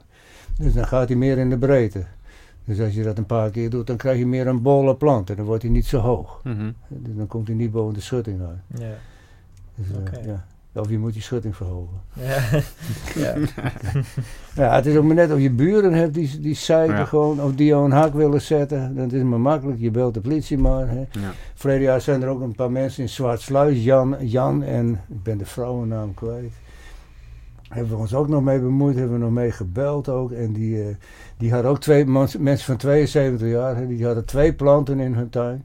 Dus ook medicinale redenen, die maakten er zelf olie van. Deed ze al jaren en eh, had er iemand, ook nog een junk geloof die had hem verleend met de politie. Dat had twee planten in het tuin. Komt de politie aan de deur, twee man. Die planten moesten eruit. Nou, zeggen mensen, ja, die planten gaan wij er niet uithalen. Wat een onzin, daar maken we olie van voor onszelf. Dus toen kwamen ze, vier jaar later komen er weer twee politieagenten. Dus ik bedoel, even over belastinggeld gesproken. komen er weer twee man met een auto aan de deur van die planten moesten eruit. Nou, dat deed ze. Toen gingen ze maandags boodschappen doen, die, die mensen. Komen ze thuis en die twee planten uit hun tuin. Hè. Het is zelfs ook nog op de televisie geweest, ook op de Ne- Nederlandse televisie. Ja, zeker. Het en de Kamer is er zelf nog over gesproken. Dat is toch krankzinnig, man. Hè? Dat je dat soort eh, dingen. ja, Ja, absoluut. ja. Nou, Ik had eh, ja, eigenlijk... eh, nee, maar vraag maar op hoor. Ik ja, nee, het is, het is wat, wat, ik had net, eh, net vroeg ik ja, eigenlijk een tips voor de be- beginnende kweker. Nu, nu, nu zitten we eigenlijk wat, wat verder in het proces, of tenminste zit ik wat verder in mijn hoofd in het proces. Ehm, wat zou je, nou we hadden het net eigenlijk al, over gehad, eh vaporizen. Ja. Dat is wat je, wat je nu aan het doen bent. Voor de, dat is denk ik op dit moment nog niet de nummer één manier van consumeren van, van mensen. Zou je dat, ehm, zou je bijvoorbeeld even helemaal terug naar, naar, de, naar de basis, zou je een, een joint adviseren met tabak of zonder tabak? Of, of, Nee, zonder tabak. Kijk, als je, eh, alleen, het, het, het, heeft natuurlijk weer nadelen. Want als je puur rookt, dan neemt natuurlijk ontzettend veel wiet. Als jij een van pure wiet, dan ben je, ben je erg veel kwijt. Nee, Ja. dat, en dan wordt het een dure hobby. Dus, dus vandaar, maar nee, ik zou toch iedereen aanraden om toch met een, eh, een vaporizer te gaan doen. Oké. Ik heb ook zo'n grote vaporizer. het En bovendien, het voordeel is nog van je hebt dat ding in je zak, je, je, je steekt hem, eh, je, je schakelt hem in. En hij is op temperatuur en je neemt per trek, je doet hem weer uit. Mhm. En, en, en je ruikt het nauwelijks. Dus, eh, dat, eh. En het is veel handiger. Je hoeft niet met, met, eh, met een stick te klooien of wat ook. Dus, ik, vind ik vind het een, hartstikke handig. Ik heb ook zo'n grote, hè, dat is zo'n, eh, ja, dat, dat, dat ding is misschien wel wel 40 centimeter hoog. Dus het is een soort waterpijp. En eh, dan, dan zet je een spiraal erbovenop. Dus doe je wiet in die kop en dan zet je een spiraal bovenop. Er zit ook een transformator tussen, dat het niet te heet wordt. En, maar dan heeft wel een nadeel dat je krijgt ontzettende klappen binnen. Omdat het gaat door het water heen, dus je verneemt het bijna Ja. niet. Dus in het begin had ik wel een wow, dan was het zo hard een deur, man. Dat en die heb ik gekregen, want dat ding kost 300, 400 euro. En, en eh, zo ruim zit ik ook niet bij kaas. En er was iemand van de Anyway uit eh, Alkmaar, Ricardo. En die had een Nederwitte movie gezien. En toen was ik bij een debatavond daarna in eh, de Rode Hoed in Amsterdam, ben ik ook nog geweest. En daar was hij ook. Hij zei, je krijgt van mij die Vaporizer. Ik zei, nou dat vind ik te gek. Maar dat heeft de hele tijd geduurd. En een paar jaar later haalde ik hem op. Ik zei, nou man, ik zei, dat vind ik wel te gek. Zo'n zo'n duur apparaat. Hij zei, ja, ik, ik, zeg, word er warm van. Hij zei, ja, ik word er warm van als ik jou op de televisie zie. Ja. Dus eh, heb ik dat van hem gekregen als, eh, als geschenk. Ja, ja, Ja. Maar ik zou toch aanraden om te gaan vaporizen, toch? Ja, ja. Puur ook qua eh, soort van kostenbesparing, maar ook qua effecten. Ja, effect ook. Maar, maar ja, ik vind het andere effect vond ik ook niet onplezierig. Trouwens, puur roken. Maar het neemt natuurlijk ontzettend veel wiet. En het, en het is natuurlijk niet goed voor je longen. Nee. Dus, en als je vaporizer is wel goed. En, en bovendien, ja, je, je rookt een stuk minder. Dat is echt, eh, dat scheelt gigantisch. Oké. Dat eh, verneem ik zelf wel, ja. Dus je, doet er, je, je verbruikt en minder en je, het effect is hetzelfde en misschien zo wel beter. Nou, het- je wordt er meer high van, heb ik Ja. het idee. Het eff- effect is wel iets anders, maar niet, niet onplezierig. Dus, eh, helemaal niet. En, en het, is, het is hartstikke praktisch, net wat ik zeg. Je hebt zo'n ding in de zak gewoon, je, je schakelt hem in en hij is op temperatuur. En je neemt een trekje, je doet hem weer uit. En tegenwoordig neem ik één of twee trekjes. Ook, niet, eh, je moet hem ook wat relaxter roken, niet zo van... dat je heel erg zuigt, gewoon wat, wat, wat langzamer inzuigen ook. En, eh, nou, en dat, ja, nee, prima. Kan het iedereen aanraden. Ja. ja, wij ook. De moeite waard om... eh, Alleen ja, ze zijn wel vrij, ja, je hebt ze goedkoop in allerlei prijzen natuurlijk. Hè, dus, eh, ja, dat, en, en zoals die, dat ding wat ik heb, er zit een batterij in natuurlijk. Dus die haal je eruit, die druk je in de oplader. En dan, eh, nou, dan kun je er weer een dag tegen. En, dus, eh, Ja. ook makkelijk, ja. Maar dat moet je dus ook, kun je ook weer op de site van Sam Ne- Ja, ik maak geen reclame voor Sam Negio, maar dat schiet me nou toevallig te binnen. Want dat kun je op andere sites ook wel zien. Maar daar staan ook een hele hoop vaporizers. Die, eh, en je hebt ze natuurlijk in allerlei gradaties van 100 euro, maar ook wel van 500. Dus eh, die, ja. Ja, had jij nog eh, cannabis gerelateerde vragen? Want je gaf ze net ook al aan dat je wat ervaring had met wat andere geestverruimende middelen, LSD. Ja, LSD, ja, dat vind ik op zich te gek gewoon. Het is, Ja? het- het- ja, alleen het is wel van, je, dat werd altijd gezegd hè, in de jaren 60 van ja, dan springen ze uit de ramen. Ja, er is wel wel iemand uit de ramen. Je kan er natuurlijk wel raar psychotisch van worden. Als, als jij niet Ja, goed in je vel zit. voor bent, en- of, eh, En, en wij hadden toen de tijd wel trips. Nou, dan, dan was het zo, dan, dan was het drie uur lang, dan stond de hele wereld op zijn kop gewoon. Ik moest, zoals we hier zitten, dan gingen alle dimensies aan de loop.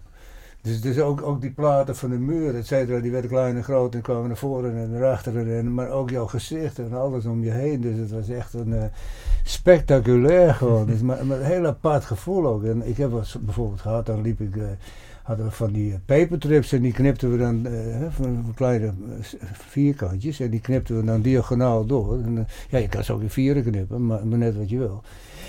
en dan eh, liepen we bijvoorbeeld over het strand. Ja, dat is ook wel heel idyllisch. En dan gaat de zon onder en dan loopt het water om je voeten. En dan lopen de mensen een beetje in de mist. En dan, je, je voelt je ontzettend één met je omgeving. mhm. Je, je, je, je- dat is met cannabis ook zo natuurlijk. Hè. Je bent meer in het nu. Dat, Mhm. dat wil ik er ook nog wel even bij zeggen. Ja. En dat is, dat is met LSD ook heel erg. Je, je, je kan bijna met de zee en de bomen praten, man. En, eh, en, en het is zo vredig gewoon. Het is echt... In de jaren 67, ik heb Subst- Subst- Substance. Sub- Substance, dat is een film over substantie. Dat is een film over LSD. Dan moet je maar zo zeggen. Kun je misschien Ja, een ja. sub- substantie. Ik weet niet of hij nog te zien is, maar dan, dan zie je dus ook in de jaren 60, dat was natuurlijk ook de tijd van de Vietnam-demonstraties. En dan zie je die mensen op LSD en dan, dan komt de politie met paarden en stokken. En die, die mensen demonstreren tegen die klote oorlog en dan worden ze in elkaar gehaakt. En, en nou, dan kan ik er wel om huilen, jongen. Dan denk je, wat gebeurt hier? Dan zie je mensen met zulke ogen de cel ingaan. Terwijl dat zijn mensen, dat zijn in feite je vrienden gewoon. Mhm. Dat zijn niet je vijanden. Nee, klopt. Dat zeg ik ook altijd, wat ik zei, wij zijn niet, de, wat, wat ook bij de overheid wel vaak wordt, wij zijn niet de vijand. Hè, zo wordt er wel op ons gereageerd gewoon. Dus, maar wij zijn niet de vijand. Integendeel. Hè, wij hebben het goede voor met de samenleving. En niet, niet, eh, het, het, het wordt allemaal zo in discrediet gebracht. En dat heb je met LSD dus ook. Ja. Het is wel zo, het is, dat is natuurlijk niet voor iedereen. Het is natuurlijk maar net hoeveel je neemt. Als je, als je bijvoorbeeld veel LSD en je gaat al de dimensies gaan op een loop, ja, dan moet je wel eh, vrij stevig in je schoenen staan. Ja. Maar ik zeg altijd zo, je moet me denken, ik heb iets, iets tot me genomen en het gaat weer over. Ja. Ja, Als je, dat zeg ik tegen mijn kinderen ook altijd. Je moet altijd voor ogen houden, ik heb iets genomen en het gaat weer over. Hè, dat, dat, eh, een van mijn kinderen die had ook wel eens wat ecstasy gehad en die, die, voelde een beetje, toen dacht ze van ja, het gaat weer over. En dat, als je dat nou voor ogen houdt, dat is altijd wel heel verstandig. Ja. Ja, ja, Ja. ja. ja, en je hebt bijvoorbeeld ook eh paddo's of truffels. Ja, paddo's heb ik natuurlijk ook al gehad, eh, maar, maar dat, Ja. dat, dat vond ik dan toch weer eh, minder. Ik had ook een keer, toen kwam ik achter in het hok, dan had ik zijn kloontje staan. En toen zag ik die, die, die- ook allemaal spint erin. En toen dacht ik, god, dan had ik padden. Ik, ik werd er helemaal eh, mistroostig van gewoon. En, dat, en, en toen dat voelde ik me helemaal niet plezier. Daarna heb ik ook nooit weer paddenstoel gehad. Dat had ik met LSD niet bijvoorbeeld. Dan, als ik dan dat had, dan denk ik van ja, het ziet er niet goed uit. Moeten we morgen maar eens even naar kijken. Dat is toch wat een andere insteek. Mhm. Dat ik- ja, ja. Ja. Nee, LSD vond ik plezier. En ook eh, vooral de, met de zee. Ik hou ontzettend van, eh, van de zee. Dus ik bedoel, dan ging ik de zee in en dan was ik zo als een deur. Dan komen die massa's water op jou. Joh. Ah, dan, kon- dan moest je me er bijna uitschoppen gewoon. Dat vond ik fantastisch. Ja, vind ik nog fantastisch. Ja, ja. Ja. Wat is eigenlijk de werkzame stof in LSD? Wa- waardoor je... Ja, Hofman, hè? Albert Hofman is natuurlijk de man die het uitgevonden heeft, bij toeval. Oké. Dat komt, staat ook in die film Substance. Dus, Ja. eh, Maar is dat een natuurlijke substantie? Of nee, dacht ik niet. is dat eh, chemisch? eh, Of, eh, Ja, het wordt wel gefabriceerd. Maar het, Ja. is, het is dus heel weinig schadelijk in feite. Ge- Gewoon psychisch, fysiek en op sociaal gebied. Hè. ja. Dus dat wordt ook weer... Dat, maar toen staat op een gegeven moment, toen zei Provo van... eh, heb je het daar staan? Ja, Ja, even heb even kijken, opgezocht inderdaad. Ga je Ja. dat uitspreken? Of, Uh, diethylamide. Ja, precies. ja. maar, maar Provo die zei op een gegeven moment, we gaan het in de waterleiding doen. Hè. We gaan heel Amsterdam en de LSD. En toen, de regering in paniek. En toen hebben ze het daarna ook verboden. Maar dat is natuurlijk waanzin. Want hoeveel LSD moet je wel niet in een waterleiding stoppen voordat het bij iedereen terecht is. Ja. Bedoel, er zijn ook fabrieken die er duizenden liters doorknallen. Dus, dus ik bedoel, er is in het hele universum niet zoveel LSD te vinden. Maar dat werd wel voor serieus genomen. Hè? Net als die paddenstoelen verbieden. Dat is zo'n Frans meisje, die springt van een viaduct af. Die was al psychotisch. Die neemt die paddenstoelen, had drank op. Springt van dat viaduct af en prompt worden paddenstoelen verboden. Het slaat natuurlijk helemaal nergens op. nee. Moet iedereen ook zelf weten, man. Het is, eh, ja. Het is toch Ja. weer een stok om mee te slaan. Ja, ja, dat Ja. Is, valt ook weer onder de, de, de, de psycho... eh, de, de, hoe zeg het? De, de, de, de psycho... eh, op de, op- ja, hoe zeg ik dat nou? Nou, nou, in ieder geval het psychologische effect, hè, dat die, die, die drugs hebben, zeg maar. Daar daar gaat het Psychologische oorlogvoering is het bijna, ja. Ja, Ja. want kijk, drank is de geest doder. En de, en de middelen die de geest niet doden, die worden verboden. Ja. Ja. Ja. Ja. Hoe zou je daar anders mee om kunnen gaan? Eh, zou je iedereen daar gewoon Nou, het is een mentaliteit. laten? Kijk, kijk, wat ik altijd zeg is ook een slagzin. heb ik niet van mezelf. Maar het is niet legitiem als de staat inbreuk maakt op je individuele vrijheid. Op grond van een moralistische visie op menselijke deugdzaamheid. Waar we hier in feite de hele tijd mee te maken hebben. Zij maken inbreuk op je individuele vrijheid op grond van een moralistische visie op menselijke deugdzaamheid. Die menselijke deugdzaamheid, die bepalen zij wat dat moet zijn. Nee, dat bepaal jij zelf. Je moet alleen een ander met je gedrag niet tot last zijn. En dat, dat geldt ook vooral, je moet ook niet links gaan rijden. Ja. Dus, dus, eh, Nee, ja, nee, zo, simpel is het toch? Dus, eh, en als, als jij dingen doet, op mij neem je coke of heroïne of wat ook, en je bent er niemand mee tot last, en je doet je werk goed of weet ik veel, nou dan heeft er dan niemand een moer mee te maken. Ja, en, wat ik ook zeg, bovendien heb je het recht om jezelf te beschadigen. Ook nog eens een keer. Ja. Ja, dat wordt vaak vergeten. Dus ja, maar diegene die beschadigen zichzelf. Nou, what the fuck. Ik bedoel, dat maak je ook zelf uit. Als, ik, als ik wil bergen beklimmen, dan, dan maak ik dat ook zelf uit. Ze willen heel graag iemand in bescherming nemen. Of, eh, Nou, het is ook, je wordt ook een bepaalde kant uit gemanipuleerd natuurlijk. Hè, wat zij denken dat het handigst is. Want wa- waar- waarom is dat verbod er überhaupt? Hè? Dat is, eh, ja. Zeg het maar. Ja, absoluut. Ja. nou ja, een moralistische visie. Ja. En, en, en, en, en, niet op concrete eh, objectieve waarheidvinding. Daar is het niet op gebaseerd. Komt er bij Rutte. Rutte die zegt dan ook nog, hij is het grote aanhanger van John Stuart Mill. John Stuart Mill is een Engelse filosoof eh, uit de, ach, ik meen 1860 of zoiets. Maar dat is dus een liberale voorman. En die had ook het, het principe van iedereen moet zelf weten wat hij gebruikt. Mits hij een ander daar niet mee tot last is. En dan zegt Rutte van dat is een van zijn grote voor, eh, voorbeelden. Maar hij handelt er helemaal niet naar. Ik zeg wel, als die, als, die, als, die, als die John Stuart Mill hoort wat die Rutte verkondigt tegenwoordig, dan stijgt hij op uit zijn graf, man. Ik Hm. bedoel, van de keert hij zich om, maar hij wentelt. dan is hij zo snel op weg. Ja. Dus Ja. dat, dat is ook nog eens een keer zo. Die man, die, die verloogt in feite zijn eigen principes. En er was ook een vrouwelijke arts, arts in Gorredijk, die, dat ging over, ook over cannabis, over wiet. En die zei toen ook van, in feite was ze tegen, maar ze zei, als liberaal kan ik niet voor een verbod zijn. Dus ze zei, dan moet er in godsnaam dan maar een koffieshop komen, maar, maar dan nou wel aan de rand van het industriegebied. maar ze was in ieder geval zo reëel om toe te geven dat ze als liberaal niet tegen kan zijn. Dat hoor je Rutte niet zeggen. Nee. En hij komt ermee weg, hè? Dat is ook nog eens een keer zo. Want sinds hij er zit, is er ook totaal geen discussie meer binnen de VVD. De hele discussiecultuur is door hem om zeep geholpen. Dat is ook nog eens een keer zo. Ja, maar, maar er is binnen de VVD was nooit discussie over dingen de laatste tijd. Ze, voeren rukzichtloos uit wat hij wil. Ja. Hè, Dus wat dat dan gaat, heeft hij de winter behoorlijk onder. Dat is nou net weer met die toeslagenaffaire. Ik bedoel, hij komt ermee weg. Hij, ik bedoel, hij loopt nog steeds als een haantje over het eh, binnenhof van eh zie mij eens even de bank wezen. Want hij heeft 2 miljoen stemmen. En hij, hij komt ermee weg en dat vind ik ook onvoorstelbaar. En hij heeft godverdomme 30.000 mensen in de vernieling in geholpen, zo'n beetje met die toeslagenaffaire. Ja. Dus eh, ja. Maar net wat ik zeg, die, die, die- sinds hij er zit, is die hele discussie binnen de V- de VVD is verdwenen. Terwijl vroeger was het echt wel een partij van eh, discussiëren met elkaar. Dat werd gewoon ook gezien van, nou, dat vonden ze plezieren met elkaar. Van gedachten wisselen. Dat is helemaal weg sinds hij er zit. Hm. Ja, Zou hij de enige daarvoor verantwoordelijk zijn dan? Of? ja, dat denk ik wel, ja. Nou ja, hij heeft natuurlijk zijn medestanders, maar ja, die, dat, dat zijn ook degenen die zijn hielen likken natuurlijk. Ja, ja. Ja. Ik, eh, Nou, jullie zijn aardig doorgezaagd. eh, ja, ik vond nog één ding wel leuk wat je in de e-mail zette. Ja, dat je eh, al 51 jaar op blote voeten loopt. ja, dat had Waar, ik... waar is dat ooit begonnen? Nou, dat, dat vind ik gewoon heel plezierig. Kijk, ook zoals ik woon natuurlijk. En eh, eh, ja, ik, contact met moeder aarde, hè, dat is het wel natuurlijk. Je hebt direct contact. Dat had ik ook, dan, als je hier bijvoorbeeld nou door de stationstraat loopt, hè, dan, s'avonds bijvoorbeeld om een uur of negen, dan, dan voel je de warmte van de stenen gewoon, zeg Mm. maar. Als je op blote voeten loopt. Want, Ja. want stenen slaan ontzettend warmte op, hè. Ja. Dus als je dan, eh, eh, nou dat mist iemand die op schoenen loopt. maar nee, contact met moeder aarde. En, ja, dat vind ik wel, eh, vind ik wel elementair. Zeg maar. Ja. Ja, dat had die advocaat geschreven, hè, van, eh, of, eh, hoe heet het, Veldman.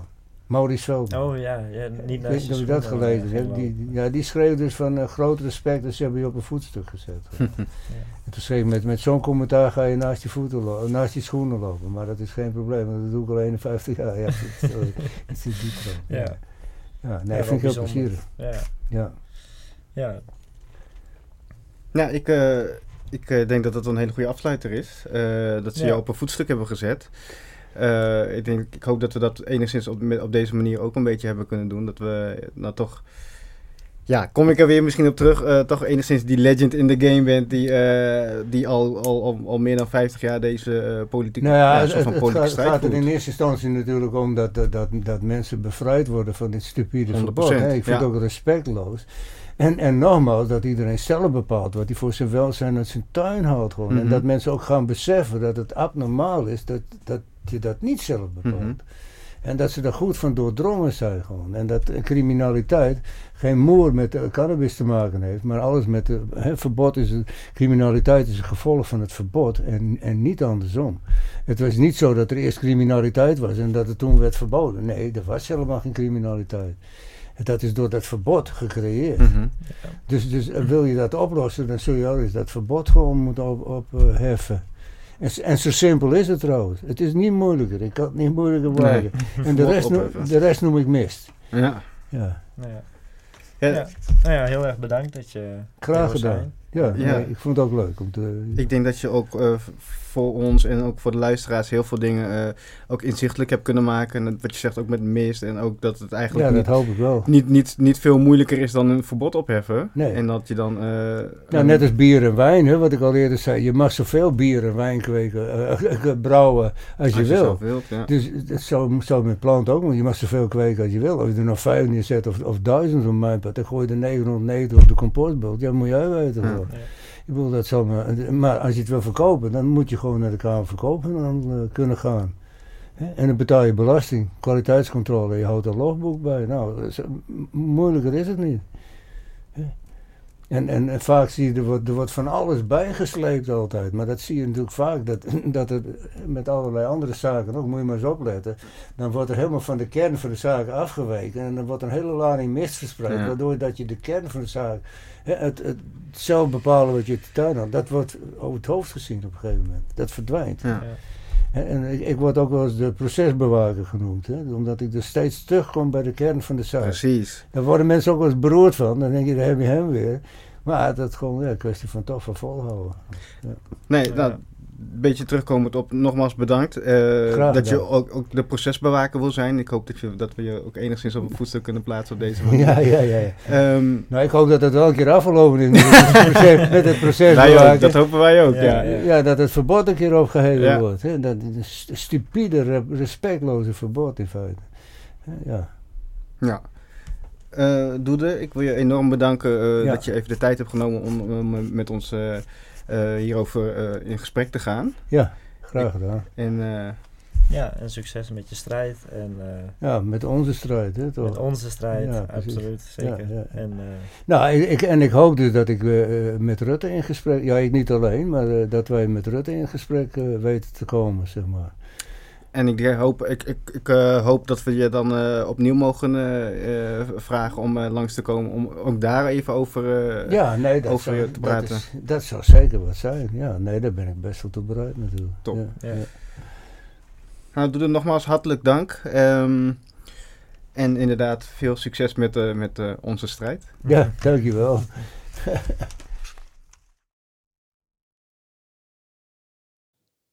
dat was hem dan, de allereerste aflevering van onze podcast. Wat vond je ervan? Ja man, dit is eh, sowieso de beste eerste aflevering ever van It's Just The Right podcast. Dus eh, nee, sowieso de, eh, de gast Doede is echt een, een legend. Ehm, dat kan je ook horen aan de dingen die hij heeft meegemaakt. Ook echt heel veel mooie dingen, maar ook heel veel minder mooie dingen. En ook wel heftige dingen. Dus dat bevestigt inderdaad nogmaals die helden, helden en legend status die hij heeft. Ehm, maar los daarvan, ja, kon me geen betere eerste gasten eh, wensen eigenlijk. Ik vond het echt een eh, hele interessante aflevering. Ik weet niet, eh, ja, ik weet niet hoe jij dat ervaren hebt. Ja man, Eh vergeleken, of ja, bijna hetzelfde als jou. Eh Doede kan altijd heel mooi spreken, dus daar eh, is in ieder geval heel makkelijk om eh, naar te luisteren. En eh, ja, zijn strijdlust eh, was heel bewonderingswaardig. Ja, hoe lang hij eh, wel niet in, in strijd is geweest met justitie. Dus nee, en, heel erg dankbaar voor dat we nog even de tijd met hem hebben mogen doorbrengen. We zijn zelfs nog even bij hem thuis geweest. We hebben daar nog even kunnen kijken. Dus heel dankbaar voor dat we dat hebben mogen meemaken. Absoluut, absoluut. En eh, ja, voor jullie eh, zijn wij natuurlijk ook dankbaar dat jullie eh, hebben geluisterd. Laat ons even weten in de comments wat je ervan vindt. Ehm, deel het natuurlijk op, de, ja, op social media of via WhatsApp, whatever. Deel het met iedereen die, die het moet weten. Ehm, like het ook natuurlijk, obviously. Obviously, dat verwacht ik ook van iedereen. Nou ja. en ehm, eh, abonneer wel. Abonneer moet je serieus wel even doen, want op het moment dat we iets uitbrengen, ben je gewoon, eh, ben je gewoon ja, de eerste die het weet. Dus eh daar doe je ons en jezelf wel echt een groot plezier mee. En eh, ja, dus laat ons ook even weten in de comments wat je ervan vond. En of je het bijvoorbeeld ook eens was met Doede. dat, het, dat alle drugs bijvoorbeeld moeten vrijgegeven moeten worden.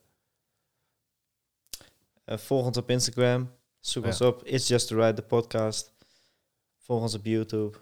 En, Abonneer op ons kanaal. Precies. En als je een suggestie hebt, is het eh It's Just the Right, the podcast at eh, gmail.com. Dan eh, kijken we zeker wat we daarmee kunnen doen. Zeker. Bedankt. Bedankt allemaal.